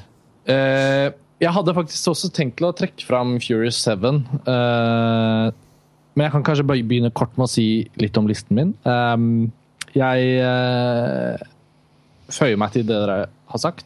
Tor Joakim og, og Sveinung. Det, jeg er stort sett enig i betraktningene om liksom året. Um, det flommer ikke over av debutanter på min liste. Men jeg har jo også eks-makina Tor Joakim. Som jeg syns var veldig, veldig bra. Jeg hadde høye forventninger, men jeg syns det var en av de filmene som leverte bare klokkerent, egentlig. Eh, jeg, jeg har også ganske mange dokumentarfilmer. eh, til min store glede, egentlig. Jeg, jeg, sånn rent sånn i min filminteresse og også når jeg har studert film, og sånn, så har dokumentarfilm egentlig stått meg ganske nært. Så har det, har det seg sånn at det ikke ofte blir sånn at kinodokumentarer stiger til topps på listene mine, men, men, eh, men, i år har det virkelig egentlig bare endt opp med å være noen av, av de sterkeste filmopplevelsene fra 2015. Eh, men vi kan jo starte der du overleverte stafettpinnen, Lars Ole. Jeg har eh, på det som nå eh, egentlig da blir en slags niendeplass eh, så har jeg da uh, Furious 7, regissert av James Wan, som uh, sto bak uh, Han fikk sitt gjennombrudd, vel, he, opprinnelig med Saw. Mm. Og, og, som også har gjort en horrorfilm som fikk voldsom oppslutning. The Conjuring. The, The Conjuring, ja, Som jeg selvfølgelig da ikke har sett, fordi, og jeg har heller ikke sett Saw. Jeg, utstår jo ikke sånne Insidious også, som var kjempebra. Insidious også, ja. Ikke, ikke sett noen av disse. Så det vært mitt første møte med, med James Wan, men, men Fast and Furious-krøniken, som nå har gått over syv filmer, den markeres mest kanskje av liksom kollektivt autørtrekk. Altså fortellerviljen, ønsket om å gå inn i, i, i en sånn selv, nesten sånn selvtitulert sjanger hvor bilracing og actionfilm og heistfilm møtes i et sånt kollektivt utskiftende sjangermønster, hvor, eh, hvor James Nei, Justin Lin heter han. Har vært liksom hovedfanebæreren. Han tok over serien da den var på sitt laveste punkt, på den tredje filmen. Uh, gjorde et mirakuløst lite verk der borte i Tokyo, Tokyo Drift. En film som hadde lavt budsjett og lav inntjening, men som egentlig gjorde det narrative frasparket som gjorde at filmserien Fast and Furious faktisk har blitt veldig interessant og veldig bra. Jeg vet at jeg står litt alene i montasjejungelen når det kommer til å fremme eh, fortreffeligheten til Fast and Furious-filmene, men gjennom seriens på en måte fortellerglede, vil jeg si. Altså hvor han forteller sin krønike, både med en, en overlappende tematikk om familie og vennskap, fra Fast and Furious 4 via nummer 5 og nummer 6 og nå til og med 7 har jeg bare likt veldig godt. Jeg syns det er veldig bra, og jeg liker actionfilm. Og jeg har ingen uh, problemer med å skryte av de filmene ut ifra hva jeg har funnet uh, av glede i dem. Og så uh, dør skuespilleren Paul Walker i en bilulykke. Det kan nesten ikke skrives mer tragisk. Midtveis i innspillingen av Furious 7 og det er jo sikkert kjent for mange av lytterne og leserne våre. Han spilte jo i alle Fast and Furious-filmene, bortsett fra denne treeren, som var en sånn avstikker til Tokyo. Uh, og i og med at han døde underveis, så måtte filmen fryses. Altså innspillingen måtte stoppes. De måtte gå inn i prosjektet på ny og skrive en annen på en måte fortelling. I hvert fall et annet subplot. Og gjenskape filmen på ny uh, med brødrene til uh, Paul Walker og spesialeffekter for å få på en måte sydd han inn i filmen igjen. Resultatet, eller det de har gått for, ideen, er å oppsummere krøniken i den syvende filmen som et slags blanding av et kjærlighetsbrev og en nekrolog over Paul Walker. Og Resultatet er også at han som skuespiller og hans rollefigur blir mer og mer som et spøkelse underveis i filmen som gir en veldig sånn eerie og merkelig effekt. Og særlig hvis man har sett de andre filmene, så, så får den en helt sånn spesiell og merkelig aura. Og, og, og, når filmen oppsummeres, ikke bare har den en sånn nekrologisk eh, feeling, men filmens sluttsekvens er jo også da en direkte hyllest hvor både rollefiguren til Paul Walker og Paul Walker selv på en måte sendes inn i et slags um, slags himmelrike for, eh, for bilkjørere. Og, og, og, det er bare rørende. Hvis man har Høres litt corny ut. Ja, det skjønner jeg, og det er det. Men det er nå en gang en film på listen min, og, og du, du, kastet uh, stafettpinnen i min retning med den som utgangspunkt, og, det føltes fint å få snakke litt om den. Ja, men jeg husker at når, når du nettopp hadde sett den, så var på en måte det, Overskriften på din uh, tilbakemelding på filmen var at det var en veldig rørende film. Ja. Uh, og og, og, det har jeg faktisk gjort meg. Selv om jeg, jeg har sett, uh, sett, noen av filmene i Fast and the Furious-serien. og jeg har ikke hatt noe spesielt imot noen av dem. Uh, Fast Five husker jeg var en veldig underholdende mm. film. Det er jo der den bytter til å bli en heist-film. Det syns jeg var veldig vellykket grep. Ja, uh, jeg, ja. Jeg så jo alle filmene etter at Karsten snakket så varmt om dem, fra, fra liksom start til mål. Bare i, i år. Altså i 2015. Ja, det er ikke, første. Og heldigvis ikke 800 episoder sånn som en Doctor Who, da. Nei, det var ikke fullt så galt. Men, uh, Lytterne våre kan da informere om at Tor Joakim har sett absolutt alle episodene som noen gang er lagd av, av, i serien Doctor Who, og det er faktisk helt utrolig. Fra 1963. Ja. Men jeg er mest glad for å høre at du har sett Fast and Furious-filmen. Ja, jeg gjorde det. Ja, og, og Spesielt dette du fortalte meg, at det var en narrativ, en, en, en, et univers som henger sammen også, på et vis. Mm. Og um, Nå ble ikke jeg fullt så kanskje så rørt som deg, men jeg, jeg, den, en av de siste scener, den siste helikopter- eller droneskuddet i, i, i filmen, er jo, det er jo veldig flott og originalt gjort. Med, med den, eh, nå skal jeg kanskje ikke komme med noen spoilere, da. Ja, hold på det. Men jeg skjønner okay. veldig godt hva du mener. Ja. Ja. Eh, og, og så kan jeg si at selvfølgelig den, den, den, den eh, Hvis jeg objekt, helt sånn tilbake klinisk og objektivt sett skulle, skulle vurdert noen av årets eh, beste big blockbuster actionfilmer opp mot hverandre, så kan man si at jeg, kan, jeg vil jo liksom isolert sett kanskje heller anbefalt film X mot uh, Furious 7. Men det er jo det som ofte er så fint med disse listene våre, og som egentlig har, har vært gjeldende for podkastene i tidligere år også, eh, i denne samme sjangeren som vi er inne på nå. At på et eller annet tidspunkt så må man bare stoppe opp og si at ja, men dette er veldig personlig, dette er litt sånn subjektivt. Og for meg var det viktig å gi Furious 7 en plassering hvor jeg kunne skrive en liten tekst om den. Og nå har vi jo snakket litt om den nå. Og, og ja, det er kanskje ikke et stort isol filmverk sånn isolert sett, men, men den serien betyr mye for mennesker. og og Furious 7 er en av tidenes mest sette filmer på kino noensinne. Og- No, noen gang. Ja, det er jo Den, helt, den har spilt inn eh, 1,5 milliarder dollar, eller 12 milliarder kroner, tror jeg vi, vi kan si. Det er vel statsbudsjettet til noen små land. Så det er, det er, det er noe med å stoppe opp et øyeblikk og tenke på hva er det kino er for mennesker. Vanlige mennesker. Og jeg tror den oppslutningen som Fast and Furious-serien har plukket med seg, film for film, sakte, men sikkert, på kino, på DVD, på piratkopier rundt omkring i den tredje verden, i den fjerde verden, i den andre verden, jeg vet ikke hvor som helst, men overalt i hvert fall. De filmene føler jeg er en slags sånn kollektiv verdensbevissthet. Og så har denne syvende filmen slått så voldsomt an. Så kan man si det er kanskje ikke enorm kunst, eller den måler seg kanskje ikke når vi hever nesen vår og, og, og sånt, men, men ja. Jeg hadde Tar jeg feil nå, Karsten, eller har du nettopp bestemt deg for å, begynne å, for å ta førerkort? Jo, det stemmer. Ja, eh, det, er litt, det, det hø- høres litt bekymringsverdig Ja, ut. eh, Ja. Etter, etter, etter Furious 7 så innså, innså jeg at eh, hvis Paul Walker er borte, så må jeg steppe inn. Så, så, eh, så jeg, kommer, jeg kommer med Opel Corsaen min. eh, Du kan i hvert fall drømme om å klippe en av Fast and Furious. Ja, altså Hvis noen der ute som lager bilfilmer er ute etter en klipper, så er det bare å ringe. Synd vi ikke har en litt sånn bilfilmaktig serie i Norge, da. Men Burning 2 er vel i produksjon? Du hadde vel fra det ene noe- til det andre. Ja, du har noe annet. La oss hoppe over til noe annet. Eh, Jeg, jeg tar topplisten min, jeg. Eller topp fem, kanskje. Jeg vet ikke hvordan jeg skal gjøre det. På femteplass så, så har jeg en delt plassering mellom to dokumentarer. Eh, De har ikke så mye med hverandre å gjøre, men jeg ville gjerne dele den plasseringen fordi, fordi det var på en eller annen måte veldig logisk. Det er eh, en film som heter The Pearl Button, regissert av den chilenske mesterdokumentaristen Patricio Guzman.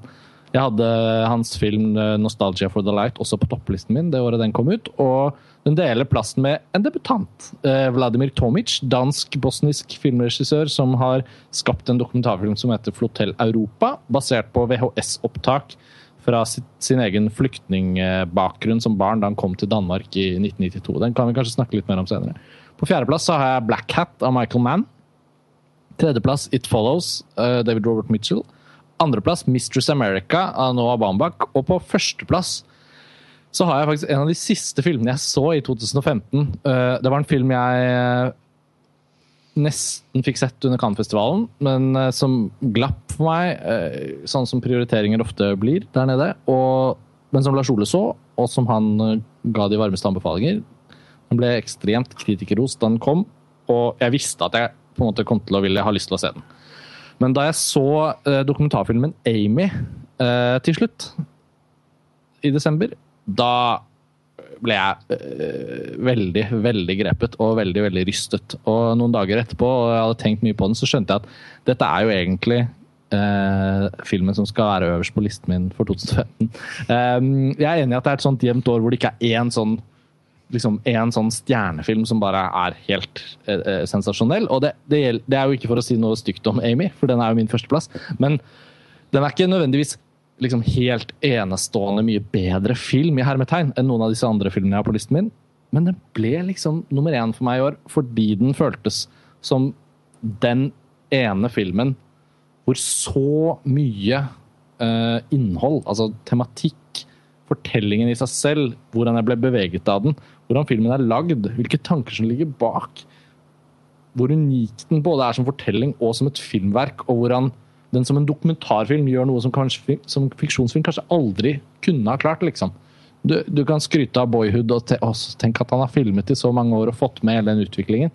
Men når et dokumentarportrett som har tilgang til alt mulig av materiale fra Amy Winehouse sitt liv, som sys sammen som den ultimate tragedie, og et menneske som drepes over tid av alle mulige uh, elementer rundt henne, og som i tillegg er et helt guddommelig musikalsk talent, egentlig en kunstner som vi kanskje kunne hatt med oss til langt oppi at hun var Se for meg Amy Winehouse som en sånn 85 år gammel Shirley Bassey. ja, jazzsangerinne som bare står der og bare skriker ut sjela si, liksom. Men det fikk hun ikke. Hun døde. Og den filmen grep meg, og jeg føler den sier så mye om vår tid på så mange måter. Du har skrevet veldig fint om dette, Lars Ola, allerede, så du må jo bare kime inn her. Men, men den ble rett og slett en førsteplass for meg. Eh, bare i kraft av å være så sterk som filmopplevelse. Ikke egentlig fordi den var en dokumentar, eller fordi sånn og sånn. Jeg har ikke et spesielt nært forhold til Amy Winehouse engang. Jeg har selvfølgelig hørt musikken hennes og liksom fulgt med. Og, men hun døde jo 23.07.2011, dagen etter 22.07. Altså sånn, alt rundt hennes død og tragedien der forsvant egentlig i et svart hull for mange av oss i Norge. Eh, eh, så da jeg så den filmen, så var det som en sånn push. Wow! Eh, og jeg fikk også mye mer lyst til å høre på musikken hennes. Så, Ja. Du, det var, Ja, for jeg bare skyte ja. det du sier her? Nå har ikke jeg sett det, Amy. Jeg bare, Nei. akkurat det, det du sa eh, på slutten om hvordan du liksom møtte en filmen uten å ha det spesielle forholdet til hun som artist tidligere. og sånt, Ja. det, det minner veldig om møtet jeg hadde med, med eh, dokumentarfilmen om Kurt Cobain. 'Montage og Ja. hekk, som også har veldig, mye, veldig mange likhetstrekk akkurat der. Jeg har, jeg har selvfølgelig hørt mye på, men jeg har aldri vært noe blodfan av Nirvana eller hatt noe sånn spesielt varmt forhold til den historien om Ja. Kurt Cobain eller noe sånt, men altså, den filmen gjorde også et sånn enormt inntrykk, da. Eh, På grunn av ja, sikkert mange grunner til det, men pga. Liksom nærheten til, til kildematerialet og det helt latterlig, nesten forbløffende kildematerialet de har tilgang til i den filmen. Og, og, og hvor eh, Altså, en film som, som spiller på, på så mange steder, som rører ved et eller annet For, for det, er noe, det er noe sånn stort og mytologisk og, og et, over de her store stjernene og de historiene som ender med tragedier og, og det er liksom geni og tragedie, og, de dør på tragisk måte, og, samtidig liksom inspirerer en hel verden. og og det, det blir en sånn magisk stemning bare av det, da.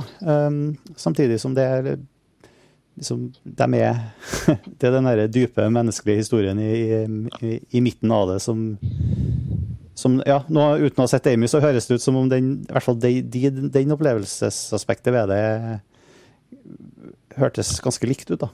Det er jo definitivt en, et, et portrett av en artist med veldig sånn stor overføringsverdi. Jeg føler først og fremst at Amy er et, en, et, en film om vår tid.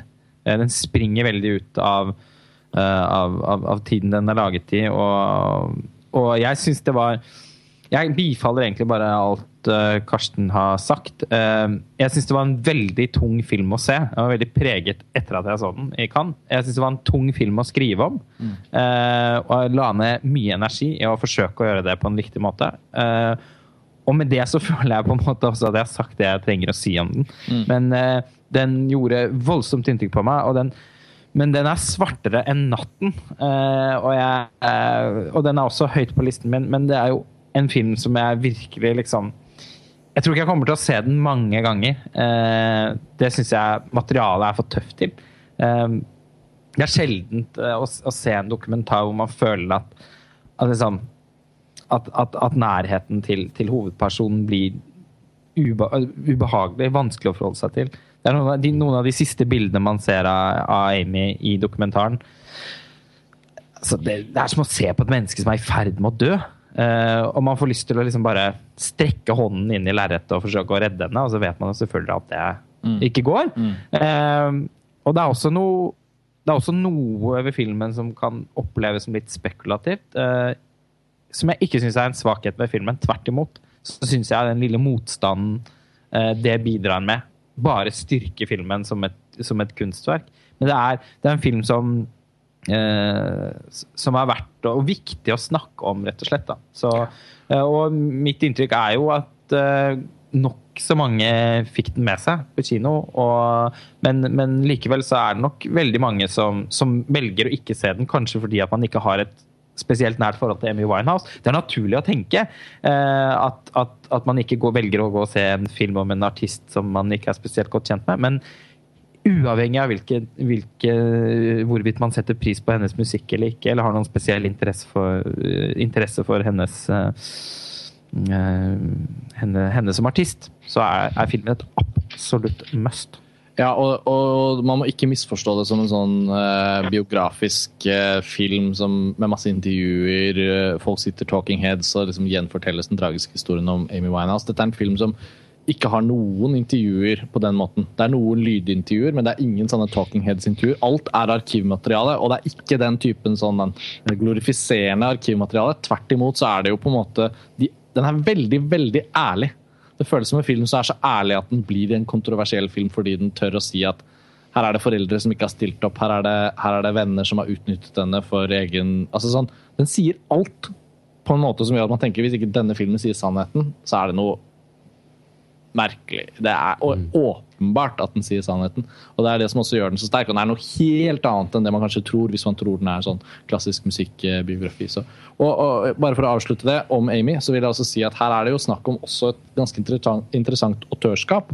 For Asif Kapadia, som startet som fiksjonsregissør med en veldig, veldig bra film som heter, eller debuten hans som heter The Warrior, som jeg også anbefaler. Som er noe helt, en slags sånn samuraifilm fra India. Uh, han gjorde en annen dokumentarfilm for noen år siden som heter Senna, om den brasilianske Formel 1-føreren Ayrton Senna. Den var bra, den. Mm. En eksepsjonelt bra dokumentarfilm som er laget på den samme måten. Og det er den metoden han brukte i Senna, som han repeterer her på Amy. Men ikke som en kopi av sin egen film, for det er to forskjellige historier. Men det de har til felles, er at det er eksepsjonelle talenter som lider en tragisk skjebne. Og filmene er sydd sammen av arkivmateriale uten å filme nye intervjuer. Og jeg, og jeg syns den metoden er så fin i den typen historier, og den styrker jo også fortellingen ved å virke tilbakeholdt. Ved å la liksom arkivmaterialet i seg selv få lov å være fortellingen. Og så, er det jo helt åpenbart at Kapadia evner å, å, bare skjære gjennom og gjøre det sånn krystallklart ved å bruke eh, montasjene sine på en god måte. Og, og filmene, begge to filmene er helt sånn vanvittig bra klippet. De er så bra klippet at man nesten ikke tenker over hva som foregår. Og når man har sett filmen etterpå, tenker man bare Hvor utrolig er det ikke at han klarte å gjøre så komplekse eh, materialer da, og så komplekse fortellinger så på en måte både bevegende og Det er ikke noe forvirring, eh, men den er også liksom ekspanderer den fortellingen man trodde lå der fra før. Nei, Nei jeg gir meg den over. Så det ble en naturlig førsteplass for meg, Amy, og jeg håper alle går og ser den. Går og leier den, eller hva det er. Det er et mesterverk. Og, og selv om man også tenker at man har fått med seg mye av historien om om Amy Winehouse gjennom media. altså Tabloidene kastet seg over, og paparazziene fulgte henne døgnet rundt. På tross av at man tenker at man har, har fått med seg også mye av på en måte skandalen eh, og, og, tragedien rundt Amy Winehouse, så, så, har man ikke det. Med mindre man har satt seg veldig inn i det. Eh, fordi filmen er jo også, vil jeg si Jeg opplevde det i hvert fall som ganske sjokkerende å se hvor omfattende omsorgssvikten rundt Eh, rundt henne var. Fra, fra både foreldre, produsentene eh, he, Hele liksom apparatet rundt henne som bare sviktet fullstendig mm, ja. i årevis. Ja. Eh, en, en, en, en, tragedie fra, fra vår tid. Forferdelig tungt å se, men Eh, og det var liksom toppfilmen min. Jeg, tenker vi kan hoppe videre til Martins liste. Jeg tror jeg bare, Før jeg slipper ordet, holdt jeg på å si, fra min side, så vil jeg trekke fram uh, en liten georgisk film som heter Corn Island. Uh, oppmerksomme lyttere vet at vi har en podkast som er, som er liksom dedikert til den filmen. Uh, og jeg skal ikke si noe mer enn at jeg Det er en fortsatt veldig, veldig bra film som på ingen måte er glemt. Og den, den var så forbløffende som en oppdagelse i seg selv. Og, og jeg mener å huske Lars Ole, at vi hadde en ganske sånn konsentrert samtale om den filmen på den podkastepisoden. Mm. Så jeg tror vi kan anbefale folk å gå og høre på den. Skal ikke si noe mer, men jeg vil bare si at Corn Island er ikke glemt. Nei. Din ellevteplass også, tror jeg. Ja, min ellevteplass. Jeg var også ja. veldig glad i den. Ja. Ja, jeg, jeg, har den på, på min topp 20, i hvert fall. Jeg også. Ja, men Så bra. Da er det ikke den glemt, da. Nei, okay, men da, da, fikk jeg sagt det. Martin, ja. eh, du som har sett så få filmer. Ja, jeg skal i hvert fall se Amy. Ja. Ja, det må du gjøre. og så Nei, og jeg, vil jeg så jeg, mm.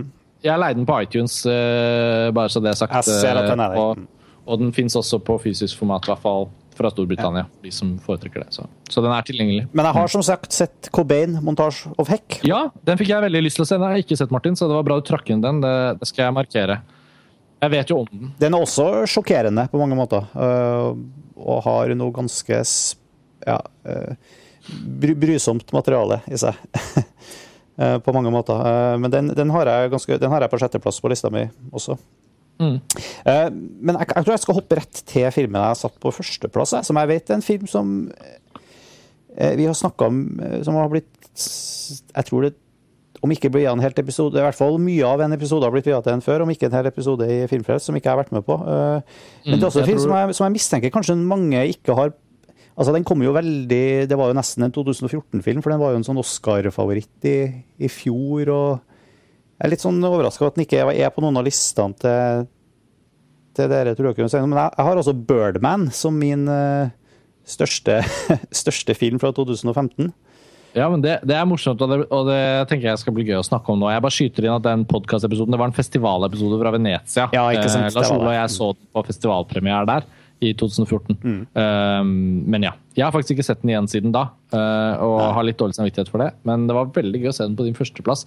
Eh, Ja. Så nå må du bare Ja, for, eh, jeg, for jeg, jeg, jeg så jo den, og den gjorde eh, da den, eh, ble til, den kom på kino i Norge, og det var vel utpå ut på vårparten. Og, og jeg har sett den igjen siden, bare for å i, eh, Altså, jeg syns den gjorde jo enormt inntrykk første gangen, og den gjorde ikke noe mindre inntrykk da jeg så den igjen. Eh, og det, det, det som Altså, det er en film som på en måte har eh, jeg synes spiller, Den lykkes så godt i alt den gjør, da, i hvert fall for meg. altså Birdman eh, som en mann i dyp krise. Det, er liksom, det er både en komedie og en tragedie. Den er, den er dypt rørende, og, og jeg syns i hvert fall den er Den er Den røsker sikkert litt ved min Jeg driver og brygger på min egen lille 40-årskrise, så den røsker nok litt i noen strenger der òg, men altså så, Hvis du har noen imaginære superhelter rundt deg, Martin, så, så er det kanskje på tide å si fra. Ja, jeg føler liksom meg som en eks- eks-superhelt. Men, altså, den er, den, også, men den er også skikkelig morsom og veldig underholdende. Utrolig velspilt. Eh, Det er en kjempemorsom sånn metadimensjon, selvfølgelig, med Michael Keaton, eks-Batman, som spiller han her ja. Regan Thompson, eks-Birdman, sent ute i karrieren sin. Og, men, men også, og det som er liksom filmens eh, ramme og innhold og sånt, det setter, satte jeg veldig pris på. Men når filmen da i tillegg er et sånt utrolig sprudlende og energisk sånn eh, filmmessig verk, så den filmen er jo teknisk helt sånn fantastisk feilfri, så dynamisk og energisk, og det drivet som blir Det suget som filmen skaper ved å ha de her enormt lange tagningene og den illusjonen av at hele filmen er én lang tagning, syns jeg funka kjempebra. Og, og det er jo helt imponerende hvordan de har klart å, å sette sammen noen av de scenene. og, og, liksom, og det gir en sånn energi til filmen som jeg, som jeg syns det er lenge siden jeg har sett. Altså, den, det minner meg litt det minner meg litt om denne Gaspar Noé-filmen. Enter the Void. Ja, jeg syns det minner meg litt om det i, i sånn filmenergiråskap. da.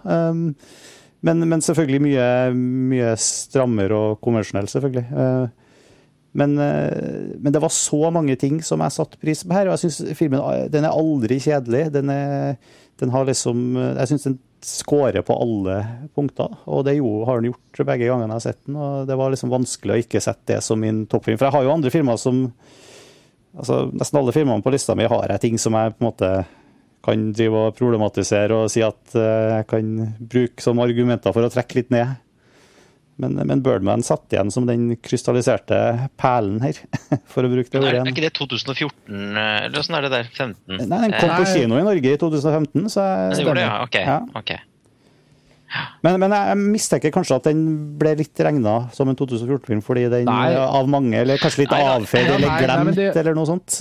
Nei, den ble jo ikke det, og, og det gjaldt jo Wolf of Wall Street uh, i fjor også. At det var jo en 2013-film som hadde kinopremiere i 2014, og som dermed kunne ligge og ruge gjennom året eh, før den ble vurdert for topplistene. Eh, og Birdman ja, En film som Whiplash var jo også hadde norsk premiere i januar for eksakt et år siden, eh, og som er listefilm for 2015. Så Det er jo det, det, er det lille kalenderdilemmaet vårt mm. hvert år. Men, men Birdman har jo da, i og med at den kom litt inn fra siden i fjor, at eller i 2014. Den var en festivalfilm, og den var på en måte en komedie og et slags merkelig autøreksperiment. Og Alejandro uh, Iñárritu, han, eh, han Det var et slags comeback for han. Han Ja. ikke laget en film siden Beautiful. Og, og, og både 2010. Babel, Beautiful altså at Han har jo også liksom gått litt sånn Litt herfra, litt derfra. Det har ikke vært så kanskje lett, tror jeg, folk å liksom Det var jo hans brudd med de melodramaene som han ble kjent altså, Først var det disse eh, tre samarbeid med han Guillermo Ariga, Ja. eh, manusforfatteren, og så ble de uvenner under Babel Mm. og skilte lag.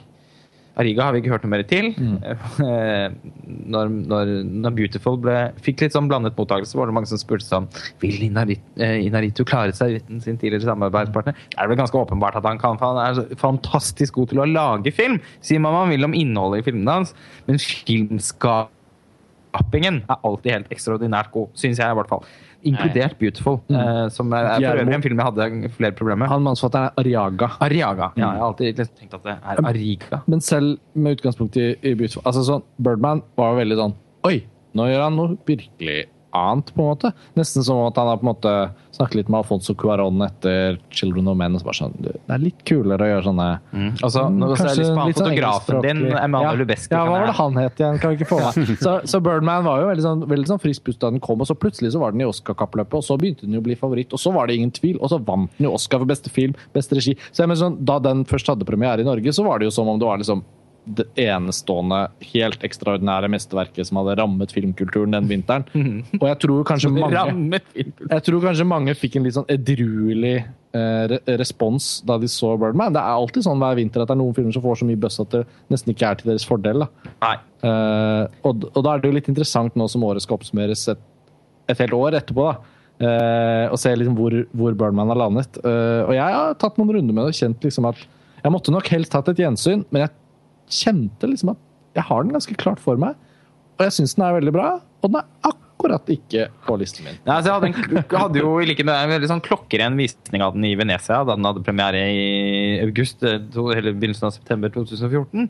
Uh, men jeg følte jo et behov for å se filmen igjen, bare for å forsikre meg om at den, eh, at den, at den var veldig god, men at den ikke var helt der oppe. Og, og jeg fikk sett den igjen for, for et par uker siden, og det var et veldig godt gjensyn. Men den hadde akkurat de samme problemene som den hadde for meg første gang. Jeg synes det er en den er så virtuost gjort, eh, er, og, og den er så godt spilt.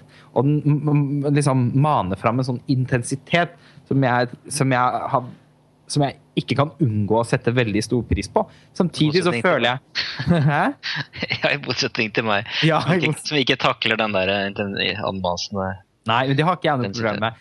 Ehm, den har nesten en sånn David og Russell-aktig energi. I, i, Ja, uff meg. i, Nå, Men, Ja, jeg liker jo også David og Russell. Smak og bak. Eh, smak og bak. Men eh, som, som jeg setter veldig pris på. Og jeg syns ideen om å ha denne eh, virtuelle one-taken og sånn er, fungerer helt utmerket. Og det er så mye å glede seg over i den filmen. Det jeg føler at den savner, er et sånn siste emosjonelt løft. At, at den på en måte løfter seg ut av, av Broadway. Og, den gjør det. Men, ja, bokst, helt, rent bokstavelig gjør den det. Men jeg føler liksom til syvende og sist da at eh, at, at delene er større enn liksom summen av delene. Jeg vil bare, bare skyte inn at eh, selv om jeg ikke likte Birdman, så, så synes jeg den er overvurdert. Så, så satte jeg veldig pris på The Revenant, som da snart har premiere på norske kinoer. Og kommer helt klart til å være med i diskusjonen neste års podkast. Så bare, bare så ikke folk tror at jeg, ikke, at jeg misliker Inaritu, for det gjør jeg ikke. Nei, Jeg var også veldig imponert over filmskapingen i The Revenant, men den eh, hadde jeg vesentlig større problemer med enn eh, Birdman. men Martin, Ja.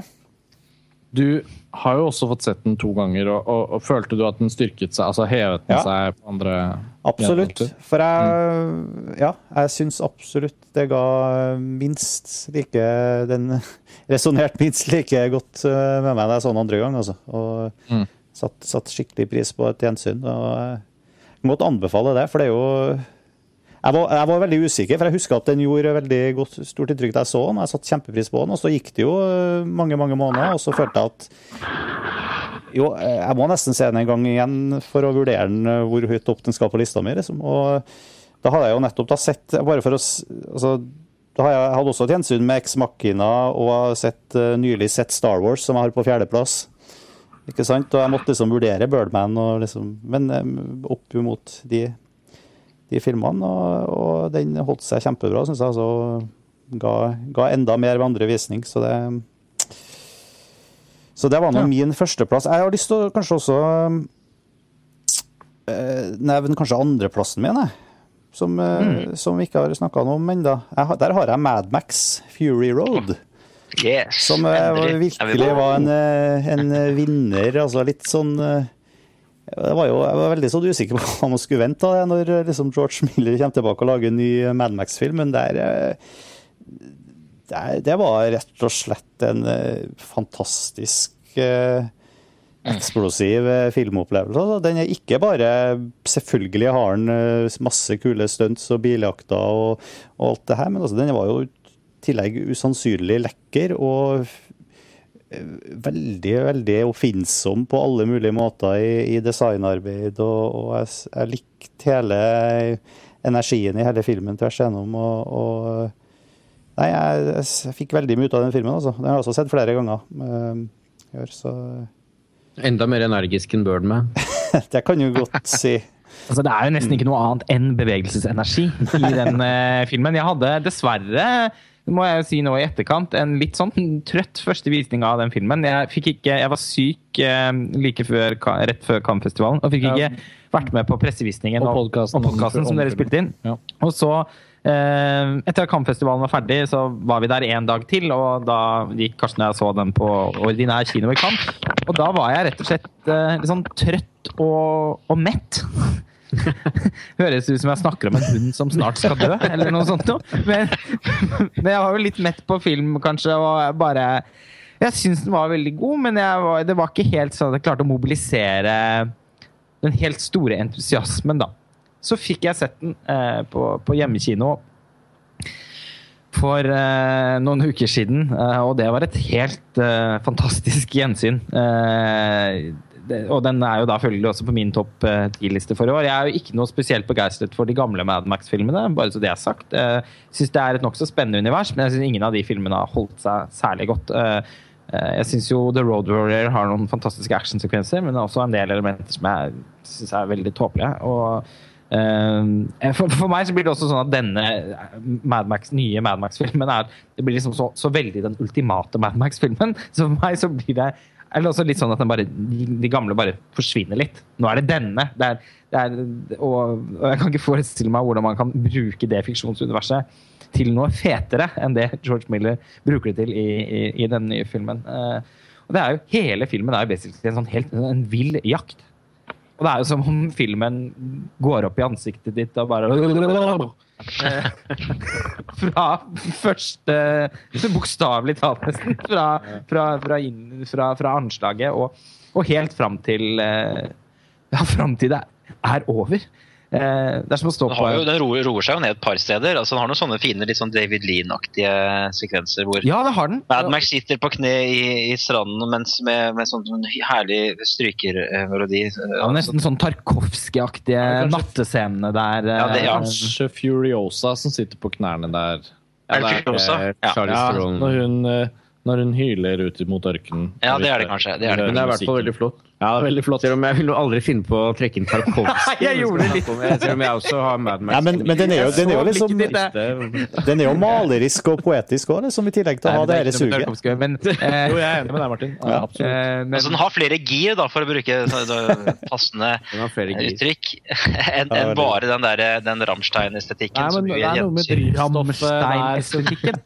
Veldig bra, tror Jeg syns det var kjempepresist. Eh, Men, jeg- men jeg tenker, altså, de der nattscenene som er, den er ganske lang. Eh, Og den har faktisk en sånn derre følelse av eh, Det er det nærmeste filmen i hvert fall kommer en sånn følelse av noe sånn totalt håp Altså sånn eh, postapokalyptisk Den ørkenmyren, på en måte. Ja, det er sånn Og de skjærende døde trærne og så det sånn den har, Der har den en Der har den et element av noe enda mer mystikk, da, kanskje, enn Ja, og det er jeg veldig enig i også. Ja. Litt flåsete sagt. Ja. eh, Men altså, filmen er jo flåsete og blodseriøs om hverandre, og, og det er umulig å stoppe opp og si når den er det ene mer enn det er den andre. Eh, Jeg så den med en som, som konkluderte lakonisk og som en kjemperos til filmen. Jeg likte han med gitaren. Det er jo en helt rå scene. Jo, scene, det er jo et slags uh, Eller, ja. motiv, eller hva Ja. man skal kalle Ja, det. jo, men nå tenker jeg spesielt på den sekvensen hvor han Altså måten, måten det er koreografert på. Ja. Hvor han Nå er det en stund siden jeg har sett den, men eh, han hopper jo fra den ene bilen over til den Max andre. er jo på reise fra bil til bil der på et tidspunkt, Ja. og havner hos gitar. ja, for det er et eller annet med at plutselig så blir gitaristen en del av eh, filmskapingen.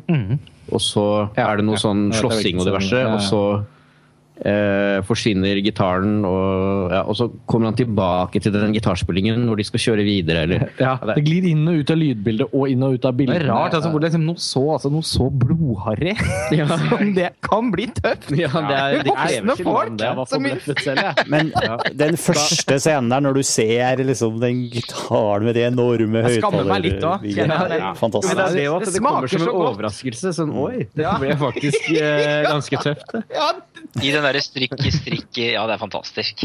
det er det.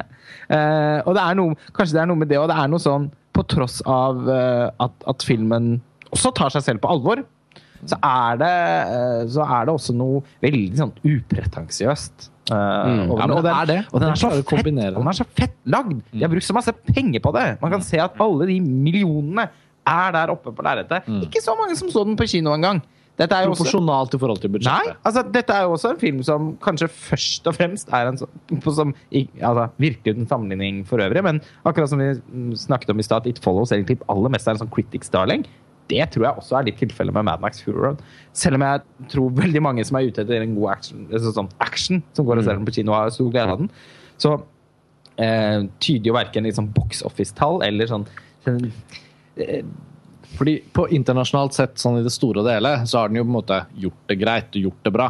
Det forbløffende med, med Mad Max Fury Road er jo først og fremst at den har gjort det så vanvittig bra hos kritikerne. Altså det er, og den er jo en kjempe-Oscar-favoritt nå når vi nærmer oss nominasjonen. Storfavoritt Men- i mange har- kategorier, og det er jo helt utrolig å tenke på! Ja, Hvem var det som hadde trodd det? Men du har faktisk, eh, bare apropos da, Morsomt. i Norge så, så solgte altså så solgte altså denne filmen eh, ikke så mye billetter som man, man skulle tro. Den, den solgte 140 000, liksom, og det er sånn. Det er jo bra. Men, men det er noe med at filmens størrelse og som en sånn sommeractionfilm eh, skulle, skulle nesten tro at den hadde, hadde gjort det enda bedre. Men eh, ja. Det gjorde det ganske mye dårligere enn Karsten og Peter er, på en måte. Ja, og jeg tenker, men jeg har også møtt på et par eh, som jeg kjenner, som, som ikke er så interessert i film som det vi er. Som, så må dere gå og se Mad Max, da. Ja, men så, jeg syns det ser veldig merkelig ut. Altså, sånn, Og det gjør det jo. Ja, ja, den gjør så jeg tenker at det er nok, den har Man må ikke faktisk se den for å skjønne. den har ikke så bred appell, i hvert fall sånn utad. Så, så derfor er det jo sånn desto mer forbløffende at, eh, at den har blitt så omfavnet av, av så å si alle kritikere. Og Det er faktisk Den grenser jo mot å være årets mest kritikerroste film. jeg tror faktisk den internasjonalt betraktes som den Jeg mente, jeg leste en eller annen artikkel om dette her. Men mulig det bare var i USA. Eh, men som 2015s mest kritikerroste film. Ja. Så Så det er ikke bare Martin som har den på andreplass. Nei. Nei. Den uh, Den dukket jo opp på veldig mange lister Uh, eh, på, Og den er på også, montasjen. det er også, også var så fantastisk kult at de valgte å gjøre så mange eh, så mye stuntarbeid.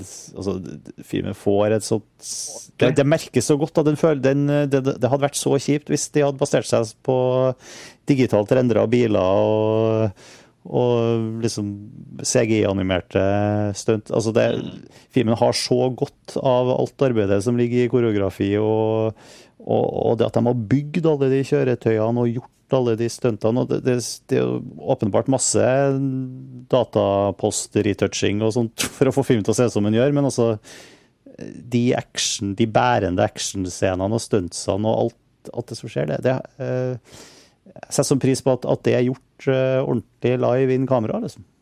Ja. Mm. Det merkes. Det er vel- Litt som, eh, litt som i, i en viss grad som vi satte pris på ved Star Wars òg, selv om det selvfølgelig er Den- Ja, men det, ja.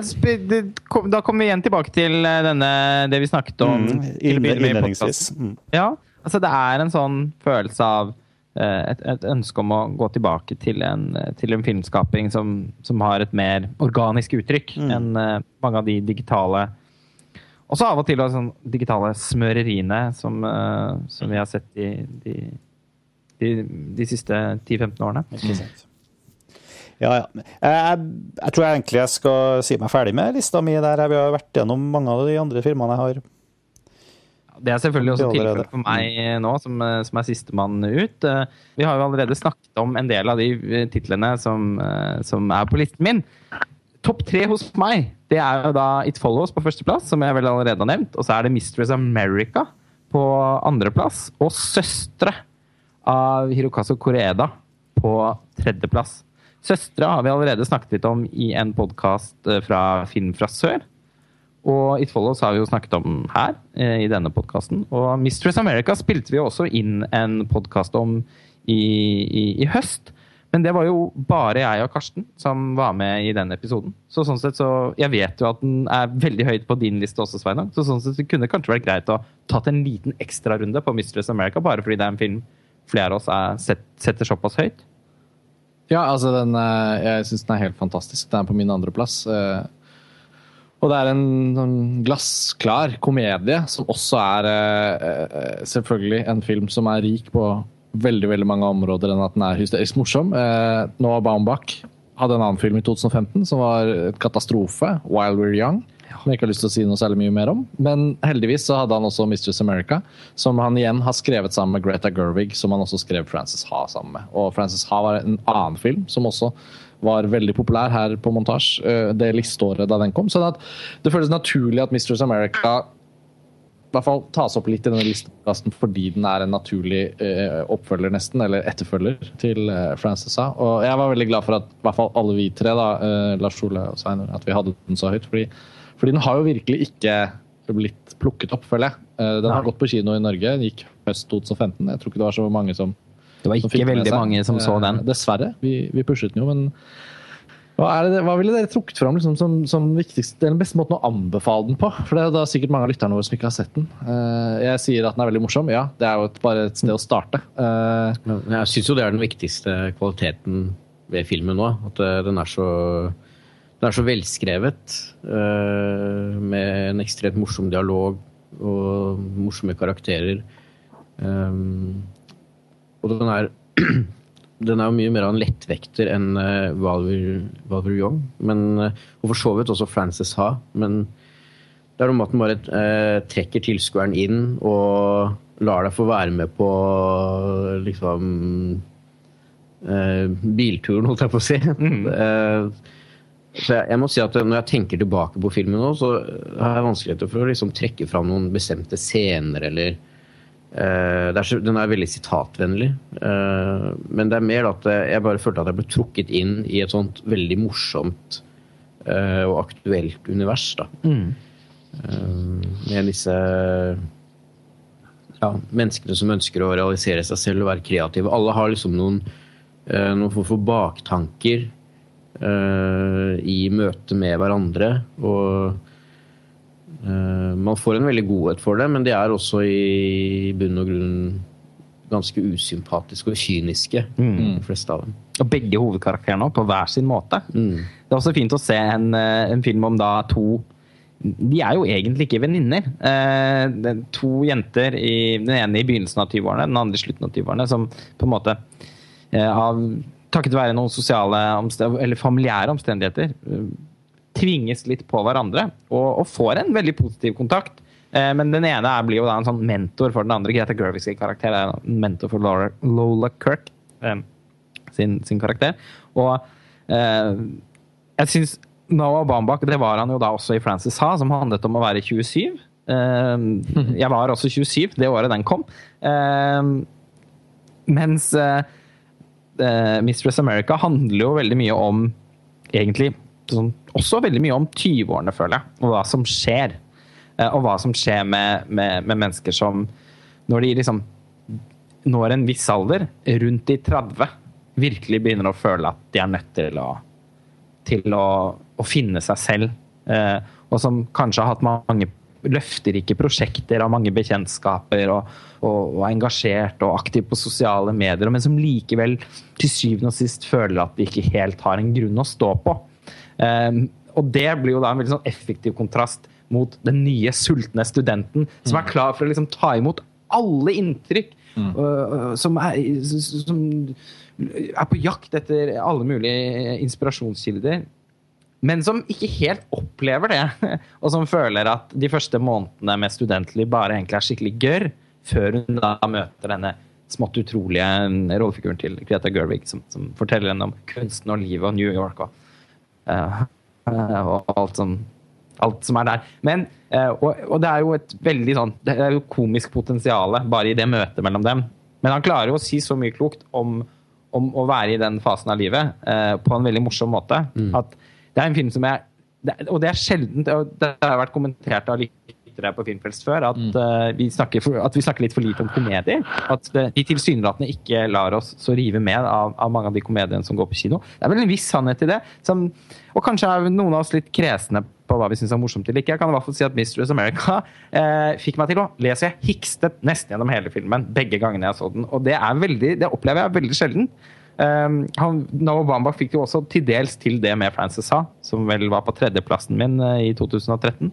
Eh, og jeg, men det altså ja, Og det må jeg innrømme, jeg hadde ikke forventet faktisk at Mistress America skulle bli like spesiell for meg som det Frances Ha var, men det er den altså blitt. Jeg Mm. syns de er helt jevngode.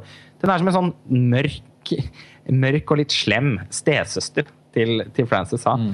Uh, den, men, den, men den føles aldri bitter eller altså sånn, Det er, det er ingen, ikke noe som er livstrettende i filmen. Den er full av energi, og den har den jeg vet ikke, Det gjelder egentlig alle filmene til Obama, bortsett fra Wilder Young, som jeg syns var kjempemislykket.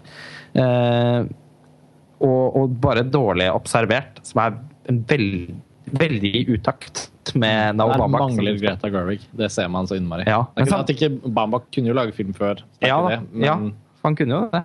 men her i Wild War Young så er han også nesten på det samme universet. Ja. Bare liksom ikke helt. Uten henne. Ja, Ja, Da det, merker man det. Ja, det syns jeg var som å få en og klut i ansiktet å se den filmen. Men, men jeg fikk man fikk jo Bambak tilbake igjen eh, veldig raskt. Og, eh, og dette gjelder jo da både altså, Margot at the Wedding og The Squid and the Whale og Greenberg. Altså, det er noe med filmene som gjør at jeg liker å være i dem. Til og med den Kicking and Screaming, eh, den debutfilmen hans, som egentlig kanskje ikke er en spesielt god film, men som om ikke annet er, er, er veldig sitatvennlig. Det er så som omtrent som manuset består av Twitter-sitater. Eh, og, og har, lik- det, er, det er noe et eller annet med, med tonen i den filmen som gjør at jeg bare liker det. Eh, Noah Baumbach er rett og slett eh, Han er rett og slett blitt en veldig betydelig filmskaper for meg. Og jeg vet også for dere. Ja, absolutt. For flere av dere. Og, men jeg tenkte at altså, hvis jeg skulle ville snakke om noen filmer som jeg har på min liste, så kunne jeg tenkt meg å snakke om to filmer som vi som, har, øh, som, som ikke har fått, film, blitt, fått noe tid på Filmfrelst øh, i løpet av 2015. Eh, og den ene av dem er da Inside Out. Den siste filmen til Pixar. Eh, Hvilken er det? Er det en slags animasjonsfilm? Eller? ja, altså Nei, Den hørte jeg dere snakka om på Oscar-podkasten. Ja, vi sneiet innom? Ja, innom. vi snakket om musikken. eh, Blant annet. Men uh, jeg trenger ikke å snakke så lenge om den. men- Og det antar jeg jo Her blir vel formidlingsbiten kanskje ikke så viktig. Det er nok en film som de aller fleste lytterne våre enten har sett eller i det minste kjenner til. Uh, Men Pixar har jo hatt noen litt kjedelige år. Altså, det er jo lenge siden de de hadde en sånn skikkelig kunstnerisk triumf. Det var Toy Story 3 i 2010, som er en helt fantastisk film. Eh, Men så lyktes de ikke helt med denne Brave, og det var noe sånn veldig baktungt over altså Cars 2. eh, monsteruniversitetet. Altså Man følte rett og slett at luften hadde gått litt ut av den Pixar-ballongen. Og vi har blitt bortskjemte på at de kom med originale ideer og har liksom en litt sånn banebrytende funksjon. De var hoffleverandør av Ja. originalitet. Eh, Når var, når var det Up eh, Var det 2010? nei, det er tidligere. Tidligere. tidligere? Ok. Ja. Uh, husker ikke helt hvilken, men det er tidligere i hvert fall. Nei, for den var jo veldig rost. Og, Ja. Ja da, og ja, den var det jo veldig mange som likte godt. ja, den er Up er 2009, 9, ja. Okay. Uh, ser, jeg, ser jeg her. Men den Ja, det er samme regissør da som eh, Pete Doctor. Peter Doctor. Ja, Doctor. Ja. Pete Doctor, som også har regissert eh, Inside Out. Herlig, herlige premisset her er jo at Inside Out ikke er en oppfølger, ikke er basert på noe eksisterende materiale. er liksom bare en original. Nei, idé. nettopp! Mm. Og så sånn, ettersom, eh, som jeg sa i stad, Pixar var litt sånn hoffleverandør av originalitet uh, i, i, i en årrekke. Og fikk jo rett og slett et skikkelig comeback med, med Inside Out. Den ble, hadde premiere i Cannes i fjor. Ingen av oss så den der. Det var vel strengt tatt ved siden av Man Max. Kanskje den mest kritikerroste filmen i kan. Kanskje de to som hadde kjempet om Gullpalmen hvis de hadde vært i Ja, hvis de hadde vært i konkurranse. Jeg husker Christian Mungo da vi spilte inn en podkast med Nei, jeg syns nå Inside Out må skrive en beste jeg sier. Ja, jeg husker. Nei, jeg bare kreditt. Uh, og og, men altså, for en film! Eh, jeg syns den er helt oppe i toppsjiktet av det Pixar har laget. Det er en, altså Sammen med The Incredibles og, og Toy Story-trilogien så tror jeg kanskje dette er den Pixar-filmen som jeg setter aller mest pris på. Jeg har altså ikke sett den på trass, for at jeg, ble så, jeg har jo så lyst til å se den. Og så har liksom Ungene mine har sett den på skolen på noe SFO-greier, og så da ville de ikke se den med meg plutselig. For de, nei, det, ja, den, den har jeg allerede sett, jeg vil du se den, ja. Nei, nei. Nei, men filmen er Vet du hva, jeg tror ikke den har kommunisert så bra med de yngste. Fordi jeg har jo nå sett Jeg så den to ganger på kino, og sett den en gang til etterpå på Blu-ray. Og eh, Har du ja, noen empiriske observasjoner? ja, særlig fra den første visningen. Den andre visningen hvor jeg så den med deg, Karsten, Ja. det var en sånn litt sånn voksenvisning. Ja. Original tale. sånn Originaltale litt på kvelden. Ja, masse nesten bare voksne der. Masse latter. Og de som var barn, det var sånn diplomatbarn. Ja, den første visningen jeg var på, med norsk tale, eh, den eh, i Halden der var det masse barnefamilier. Og det var altså De satt vel konsentrert, eh, men det var altså så det var ingen som lo. Og det virker som om alle bare slet med å, å følge med. Og det skjønner jeg litt. Den har, altså Filmen har et veldig høyt tempo og er ganske avansert. I, enda mer enn noen tidligere Pixar-film, vil jeg si. Så, sånn sett så er den kanskje ikke en sånn uh, uh, En plettfri suksess for eh, et like bredt spekter av målgrupper som enkelte av de tidligere Pixar-filmene. Men for Men den, gikk, den gikk ikke rett hjem hos uh, verken seksåringen eller tiåringen her, tror jeg. For de, Nei. de snakker ikke noe mye om henne og har ikke noe lyst til å se henne igjen. Og, Nei, nettopp. Nei, Nei, det ikke hos meg heller. Nei. Tiåringen tror jeg som ikke. vanligvis ikke liker uh, animasjonsfilm. Ja, du likte den, sa du. Eh, Jeg likte den veldig Ja. godt. Den er på min uh, toppliste, og det må kanskje være første gang det er en animasjonsfilm som, Ja, det tror jeg. der. Og det handler vel om at uh, til dels det her at jeg ofte opplever animasjonsfilm som litt barnslige, og at jeg syns at den her var mer uh, den var mer tankevekkende, og jeg opplevde den som litt mer voksen og smart. Uh, men samtidig så er det jo også en ekstremt rørende film, da. Så jeg ble veldig grepet av den. Ja, årets mest rørende film, det må det jo være. Altså, så- sånn jevnt over. Ja, den, Den er eksepsjonelt rar. den er faktisk det. det Uh, all ære til Furious 7, men, uh, men jeg tror kanskje Inside Out tar den prisen i år. Ved siden av 'Søstre' av Hirokazu ja, det var to filmer som jeg vurderte, og faktisk Jeg er jo veldig glad i å Notorisk. Notorisk eh, eh, kjent eh, blant våre lesere for og Det er alltid noen som irriterer seg over det, at jeg ofte har noen sånn delte plasseringer på, på listen min uten at det gjør at Eller jeg presser gjerne sånn 13 filmer inn da på topp 10-listen min, bare fordi det er som regel litt flere filmer enn ti jeg har veldig lyst til å løfte fram. Og jeg hadde vurdert faktisk å ha en delt plassering mellom Søster og eh, 'Inside Out'. Så på et tidspunkt så følte jeg at det ble litt ja, men, var, ja, men på et tidspunkt føler jeg at det blir for rart. Så jeg droppet det.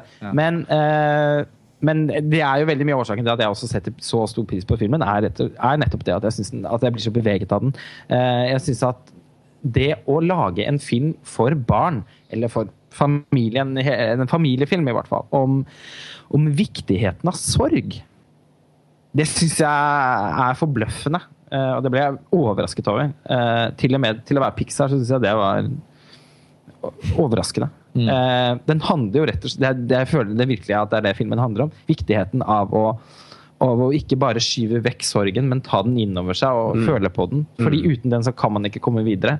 Lever, det, er, det er også på en måte en film som jeg syns sier ganske mye om vår tid. Eh, Det er veldig mye fokus på hygge og glede eh, overalt. Og jeg tror spesielt barn blir mye utsatt for dette. At alt skal være så ja! Bra! Og, og, og, og dette jaget rundt eh, hygge og vellykkethet hele tiden, det er det er, det er litt forstyrrende. Og jeg syns det er veldig fint at innsiden ut viser at man liksom, viktigheten av å sette seg ned og ta seg tid til å også kjenne på de vonde følelsene. Og eh, det som på en måte da er rammefortellingen, er jo da denne elleve år gamle jenta Riley som flytter til Altså det ultimate mareritt da, når man er i den alderen. Flytter til et nytt sted. Miste alle vennene. Eh, hockey, spiller på sånn hockeylag. Eh, skal flytte til San. Francisco. Eh, ble, ble, altså alt det som gjør at Riley er Riley, da, forsvinner. Og det er veldig fint beskrevet i, eller visualisert i filmen. Eh, For veldig mye av filmen foregår da inni hennes hode med disse forskjellige følelsene som, er, eh, som, som, som, som da er um, figurer.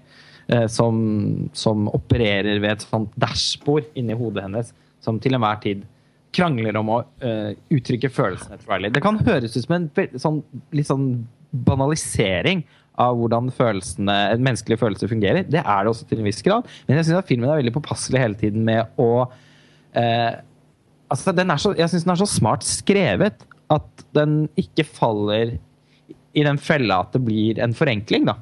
Jeg syns tvert imot at den er veldig god på å liksom vise sammensatte følelser, underbevissthet. Den, eh, den er veldig god på å, å vise synes jeg, hvordan følelsene ofte krangler med hverandre. Og lager litt sånn sure, merkelige klanger som gjør at vi oppfører oss rart. Eh, I hele tatt syns jeg det er en overraskende, overraskende kompleks film. Eh, morsom er den nå, men eh, mer, eh, mer trist enn morsom. Til syvende og sist. Det er en film som jeg- Kanskje gi det en sjanse til på, med original tale, da. Eh, Ja, for du var ikke noe begeistret for filmen, tror jeg, Kim. Nei, jeg var ikke det, gitt. Men jeg så det med du- norsk. Så det med norsk. Det er alltid en liten issue, selv om de er blitt flinkere i Norge også til å dubbe. Så. Men hva var det du ikke Eller hva er grunnen til at du er såpass reservert? Nei, den var litt fjasete, syns jeg. Det var, det var interessant. Jeg så på, på Facebook nå at noen hadde laget en slags uh, fan-edit, hvor de hadde klippet bort følelsene uh, de, som er inne i hodet, og bare hatt disse sekvensene med, med Så dere det? Med Nei, ikke. Hun, uh, hun hovedrollen. og det, det filmen fremstår som da, den er mye kortere, da. Den fremstår som en slags boyhood. så det var jo litt interessant. Ja. Altså veldig sånn emosjonelt direkte, men samtidig liksom uten noe sånn noe, fakter og, fjaseri. Så det har vært interessant å se. da. Det er jo til tider litt eh, Det kan jeg faktisk si som en liten Altså sånn Jeg syns det er helt overskygget av filmens kvaliteter. Men den er av og til kanskje litt masete. Ja. Hvis jeg skulle kommet med en ønskeliste over, over noe jeg skulle likt å endre på i filmen, selv om jeg liker den så godt som jeg gjør, så er det kanskje at Det er litt sånn fornøyelsesparkaktige Ja, det er litt noen ganger kunne man, der, ja, der, ja. kunne man tone det litt ned, men, eh, men det er ikke noe stort litt, problem for hva, meg. heter hva heter de der, de der som tele, Er det Teletubbies? De heter de her eh, eh, Ja, jeg tror det er det. De der Ja. som hopper, hopper rundt. Eller Hagen, hva heter det? det sånn Nei, det, det? Solhagen? Jeg husker Teletubbies, i hvert fall i munnen min da han var liten, så han masse på det. Jeg hadde langsommere tempo enn Inside Out. Ja, o, Det er en fremmed Pinky verden. Ja, nei. Det høres ut som grunnen til at jeg hater animasjonsfilm innimellom. Ja. Når animasjonsfilm er dårlig, så, så kan det bli sånn ordentlig plagsomt. Ja. ser jeg jo bare noen Jeg vil ikke kalle Teletubbies en animasjonsfilm til deg, men juvet mellom Teletubbies og Inside Out er i hvert fall, er i hvert fall eh, Nei da, men det var litt med, litt med konseptualiseringen av, av hele, hele den, det universet inni, inni hodet der. Altså, jeg foretrekker når de tar det litt ned, altså Toy Story og, og de gamle filmene og sånne ting. Da er jeg, da er jeg litt mer med, i, med det. Så det var nok mye det. Eh, Og at jeg så den med norsk tale, som, jeg- som var litt sånn perfremdungseffekt for min del. ja. Nei, men, ja, men den filmen har et veldig høyt tempo, det skal sies. Og det er nok også der hvor jeg tror en del av mm, barnepublikummet som ser den, kanskje faller litt av i svingene. Men, eh, men en, en siste ting Nei, men jeg har lyst til å se den igjen, i hvert fall. Ja. Ja, men så bra. Og en Mm. siste ting jeg tenker at kan være verdt å nevne ved filmen, at jeg syns også, også den har noen sånne kvaliteter som er forbindelig med sånn klassisk amerikansk film. Eh, jeg syns den minnet meg ganske mye om 'Trollmannen fra Os'. Og, og i tillegg så minnet den sånn, 'Trollmannen fra Os' møter Inception. Møter Pixar. Snakker du inside out? Ja, jeg, jeg snakker fortsatt om. Ok, men eh, det var en film til som jeg tenkte at uh, det var verdt å løfte fram. Mm. Og det blir vel siste film vi snakker om også. på Det gjør det. Mm. Og det er Miroslav Slabospytskis debutfilm. Ukrainske debutfilm. 'Stammen', eller 'Plemia'. The The Tribe. Tribe. Ja. Ja, det er jo veldig bra du trakk fram akkurat den, Lars Ole, for det er jo en av de filmene som som i hvert fall har gått under den eh, publikumsorienterte radaren her, i, her til lands. Den gikk på kino, men den solgte vel under 1000 kinobilletter, tror jeg. Det var så få. Eh, ja, det var Publikum var vel stumme av beundring, eh, de få som møtte opp. Så de fikk ikke fortalt det videre. Eh, jeg vet ikke hvorfor word of mouthen var så dårlig på denne filmen. Nei, da, Nei. tuller jeg fælt. Men at det er jo en film hvor alle rollefigurene er uh, stumme, døvstumme. Eh, så det blir jo ikke sagt et eneste ord i løpet av hele filmen. Uh, Det var ikke meningen å ta over, men jeg bare slenger meg på. Nei, nei. Dette er jo en film mange av oss har sett og, og setter stor pris på. Det var bra du trakk den fram. Hvilken plass er den på? Eh, på meg, så, på meg, så jeg. Hos meg så er den på fjerdeplass. Ja, såpass høyt, ja. Eh, ja. Ja. Eh, og det er en, den er satt til en kostskole i Ukraina for døvstumme. Eh, og er skutt i stort sett i lange sånn steadicam-tagninger. Estet, filmens estetikk minner ganske mye om det man forbinder med den rumenske bølgen, nye rumenske bølgen. Eh, ikke minst fire måneder, tre uker og, og to dager, som vant Gullpallen i Cannes i 2007. Eh, den, den slekter ganske tydelig på, på særlig den filmen, samtidig som den den også er helt radikal i det meste den gjør. Eh, endeløst lange steadicam-tagninger gjennom disse gangene på, på kostskolen, hvor man følger et knippe eh, elever som eh, som involverer seg i et kriminelt miljø som da liksom spøker rundt i gangene her. En slags mafiavirksomhet, eh, rett og slett, som bl.a. også innebærer prostitusjon. Eh, forferdelig drøy film. Altså, den er flere scener i filmen som er virkelig er vanskelig å se på. Ja, men, det de er så fornedrende for, for karakterene og Ja. Ja. Det er viktig å påpeke her at uh, i hvert fall den visningen jeg så, sikkert for alle andre, så er det jo ingen undertekster. Altså, så vi, vi må jo tolke alt ikke-verbal ikke-verbal kommunikasjon. Eh, så det gjør jo også disse sekvensene. Når du ikke helt vet kanskje motivasjonen for hvorfor noen ting blir gjort, må du dedusere deg fram til det sånn, og det syns jeg også var veldig fascinerende med den. Med Ja, den det, filmen, filmen skal jo ikke ses med, med undertekster. Det eksisterer et manus. Eh, Jeg har den franske utgave, altså eh, DVD-utgaven. Og der, og der følger det med et manus. Det er selvfølgelig da oversatt til fransk. Så det var umulig å få noe Ja, glede av det. eh, Ettersom jeg ikke kan fransk. Men eh, det eksisterer et manus ja, som skuespilleren forholder seg til. Men eh, det er den kunstneriske intensjonen at i og med at den absolutte brorparten av publikum som skal se filmen, ikke er døvstumme. Så, så er jo, og ikke fra Ukraina, døvstumme altså Døvstumme har jo også forskjellige språk i forskjellige deler av verden, så det er ikke sånn at alle døvstumme automatisk heller vil forstå hva, hva de snakker om i denne filmen. Eh, Men eh, den kunstneriske intensjonen er jo at man ikke At man bare skal forholde seg til, de, til mimikken og de Jeg synes det var et fantastisk, fantastisk konsept, alt, alt det som ble kommunisert på den måten. Ja, det syns jeg. jeg tror, ja. Filmen gjør veldig inntrykk. Altså, det føles som en av de mer banale filmopplevelsen også. Den, jeg har aldri sett maken, jeg. Nei, det er jo nettopp det Eh, som den, er, ja, den er ganske enestående. Og Da er det så er det noe sånt, og de brukte vel det på den norske plakaten. At, Cinema is never the same, eller noe sånt. ja.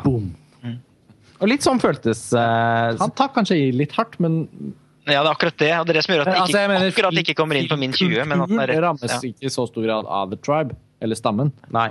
Fordi nedslagskraften er kanskje ikke så bred. nei. Men for han, for Darren Aronofsky, å sitte der og se noe som for han føltes fresht og nytt, det er jo ganske illustrerende, da. Mm. Om ikke det er liksom at sinnet Nei, men Det illustrerer for filmens kvaliteter. Altså, Ja. Den følelsen er så radikal i nesten alt den gjør. Ja. At det er vanskelig å sitte og Selv om man kan Og debutant. Ja, en, en, ikke minst også en, en av de mange debutfilmene som vi har snakket om i, i dag. Og selv om den som, som jeg sier, slekter en del på den rumenske, den rumenske bølgen, og sånn, så føles den likevel som noe different beast. Du har den vel også ganske høyt på din liste? Sara? Jeg har den på fjerdeplass, jeg òg. Mm. Det var absolutt den mest originale og sterke filmen jeg, så i år.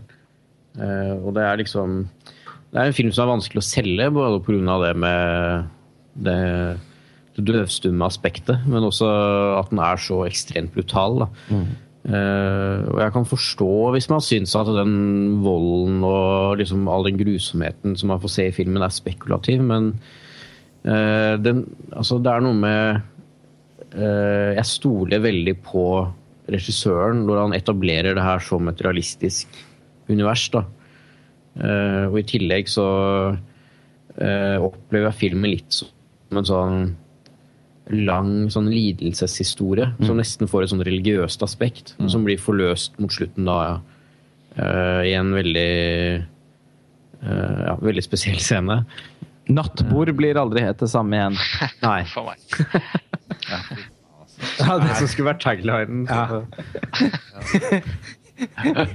Men ja, det er noe med den derre uh, rituelle og litt sånn stammeprega avstraffelsen.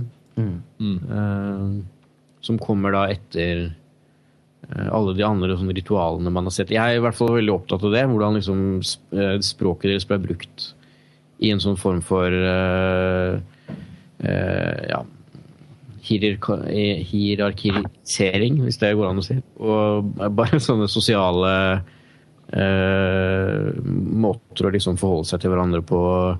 Eh, at jeg liksom, de er fanga i et slags fengsel på den skolen.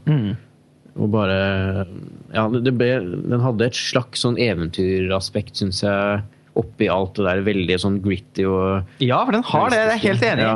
Eh, og, og den Samtidig så er det også en sånn, en sånn insisterende monoton film. Mm. Den har, det er veld, og den er lang. Og det er veldig mange av scenene i filmen som, som ligner hverandre.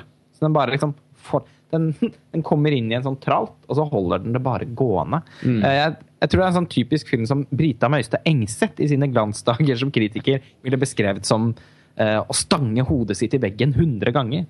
Eh, og, og, det er den på en måte litt også, men det gjør jo vondt da, å, å stange hodet inn i veggen så mange ganger. Det er noe med følelsen av sånn klaustrofobi. Mm. Eh, av, å av å bli tvunget til å tilbringe eh, over to timer i disse skitne eller, altså sånn, Bare sånn vemmelige gangene på denne vemmelige skolen, med veldig mange vemmelige mennesker også. Eh, det er ikke mange karakterer i denne filmen som man får noe spesielt hjerte for eller sympati med, egentlig. Det er selvfølgelig eh, de to jentene og han ene gutten som vi følger tettere enn de andre.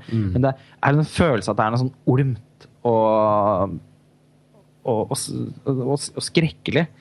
Som du sier, også nesten mm, på tross av real, at, at mange av grepene i, i, i De stilgrepene er ting som vi forbinder med eh, altså Som vi tenker på som sånn autentisitetsstrategier.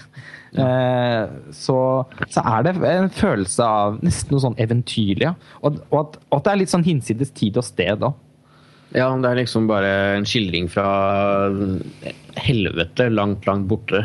Uh, Som viser seg Helvete viser seg å være på en kostskole ja, de prøver å komme seg til Italia, de prøver å komme seg til Europa, komme seg ut av det her, men det går bare ikke. De, Så er det jo Ukraina også. Altså, Ja. det, er, det er jo mm, snakk om uh, filmer man, Det blir jo ofte gjerne sånn at man leser uh, filmer fra bestemte land inn i, inn i det landet sitt, sam, sin samtid. Da. Og ja, det er dette som springer ut av Ukraina. Mm. Det er ikke ofte vi snakker om ukrainsk film i det hele tatt. Jeg føler at uh, Slaborsjpitsjky plutselig har også uh, gitt, gitt Ukraina en veldig spennende filmskaper Ja. å følge med på. Den eneste andre kanskje som er verdt å nevne, er vel Sergej Losnitsa, som, uh, som også har gjort en dokumentar som er på din liste, hvis ikke jeg husker feil, Sveinung. Ja. Det var en uh, litt brå, men veldig eh, god overgang. Eh, Du tenker vel på The Event? Ja, for den har du også skrevet en artikkel om på montasje. Jeg bare, Ja. bare slo meg, fordi jeg virkelig måtte tenke de sekundene jeg fikk til rådighet. Er det andre ukrainske filmskapere som jeg husker her og nå? Det er sikkert sånn som folk snakker om norsk film i andre land.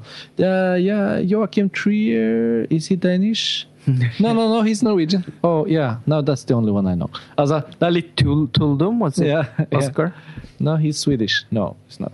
Uh, Ja. og, Nei, men, men det men det med Losnitsa, han, han Mm. har jo jeg inntrykk av som en russisk filmskaper før jeg skjønte at nei, han er ukrainsk.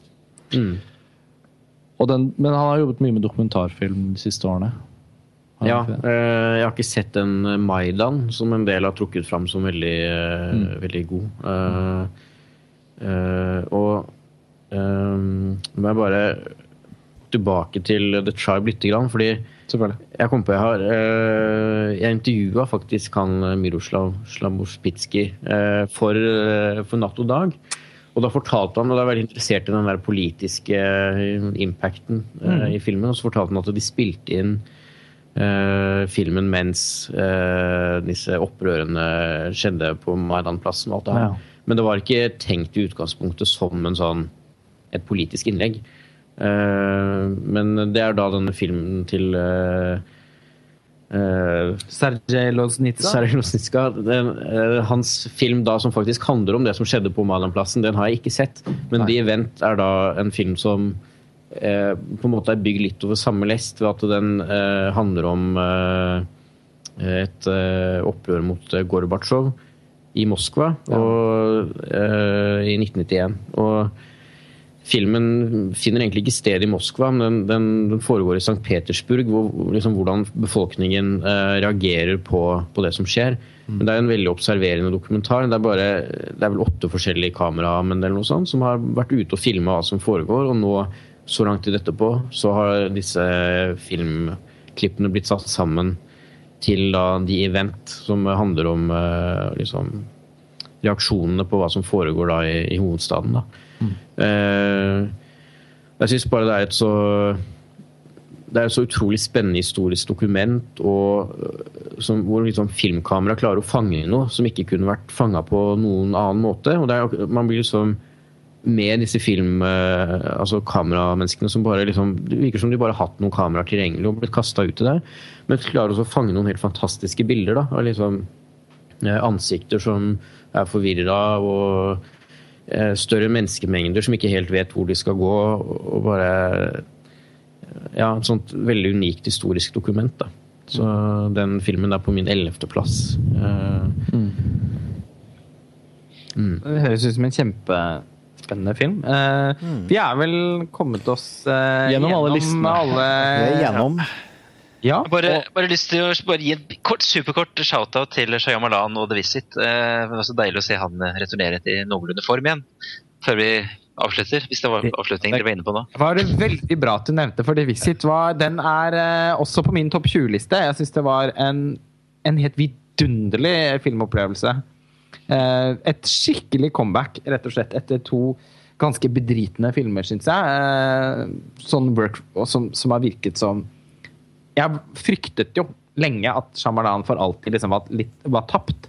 Eh, og, og skulle, at hans skjebne skulle bli å lage sånne samlebåndsfilmer som ingen andre vil lage i, i, i Hollywood. Men eh, takk og lov så har han jo innsett at, eh, at, han, at han skal stake ut en ny retning for de neste årene i karrieren sin. Han skal jo nå fortsette å lage eh, idiosynkratiske filmer på, på lavt budsjett.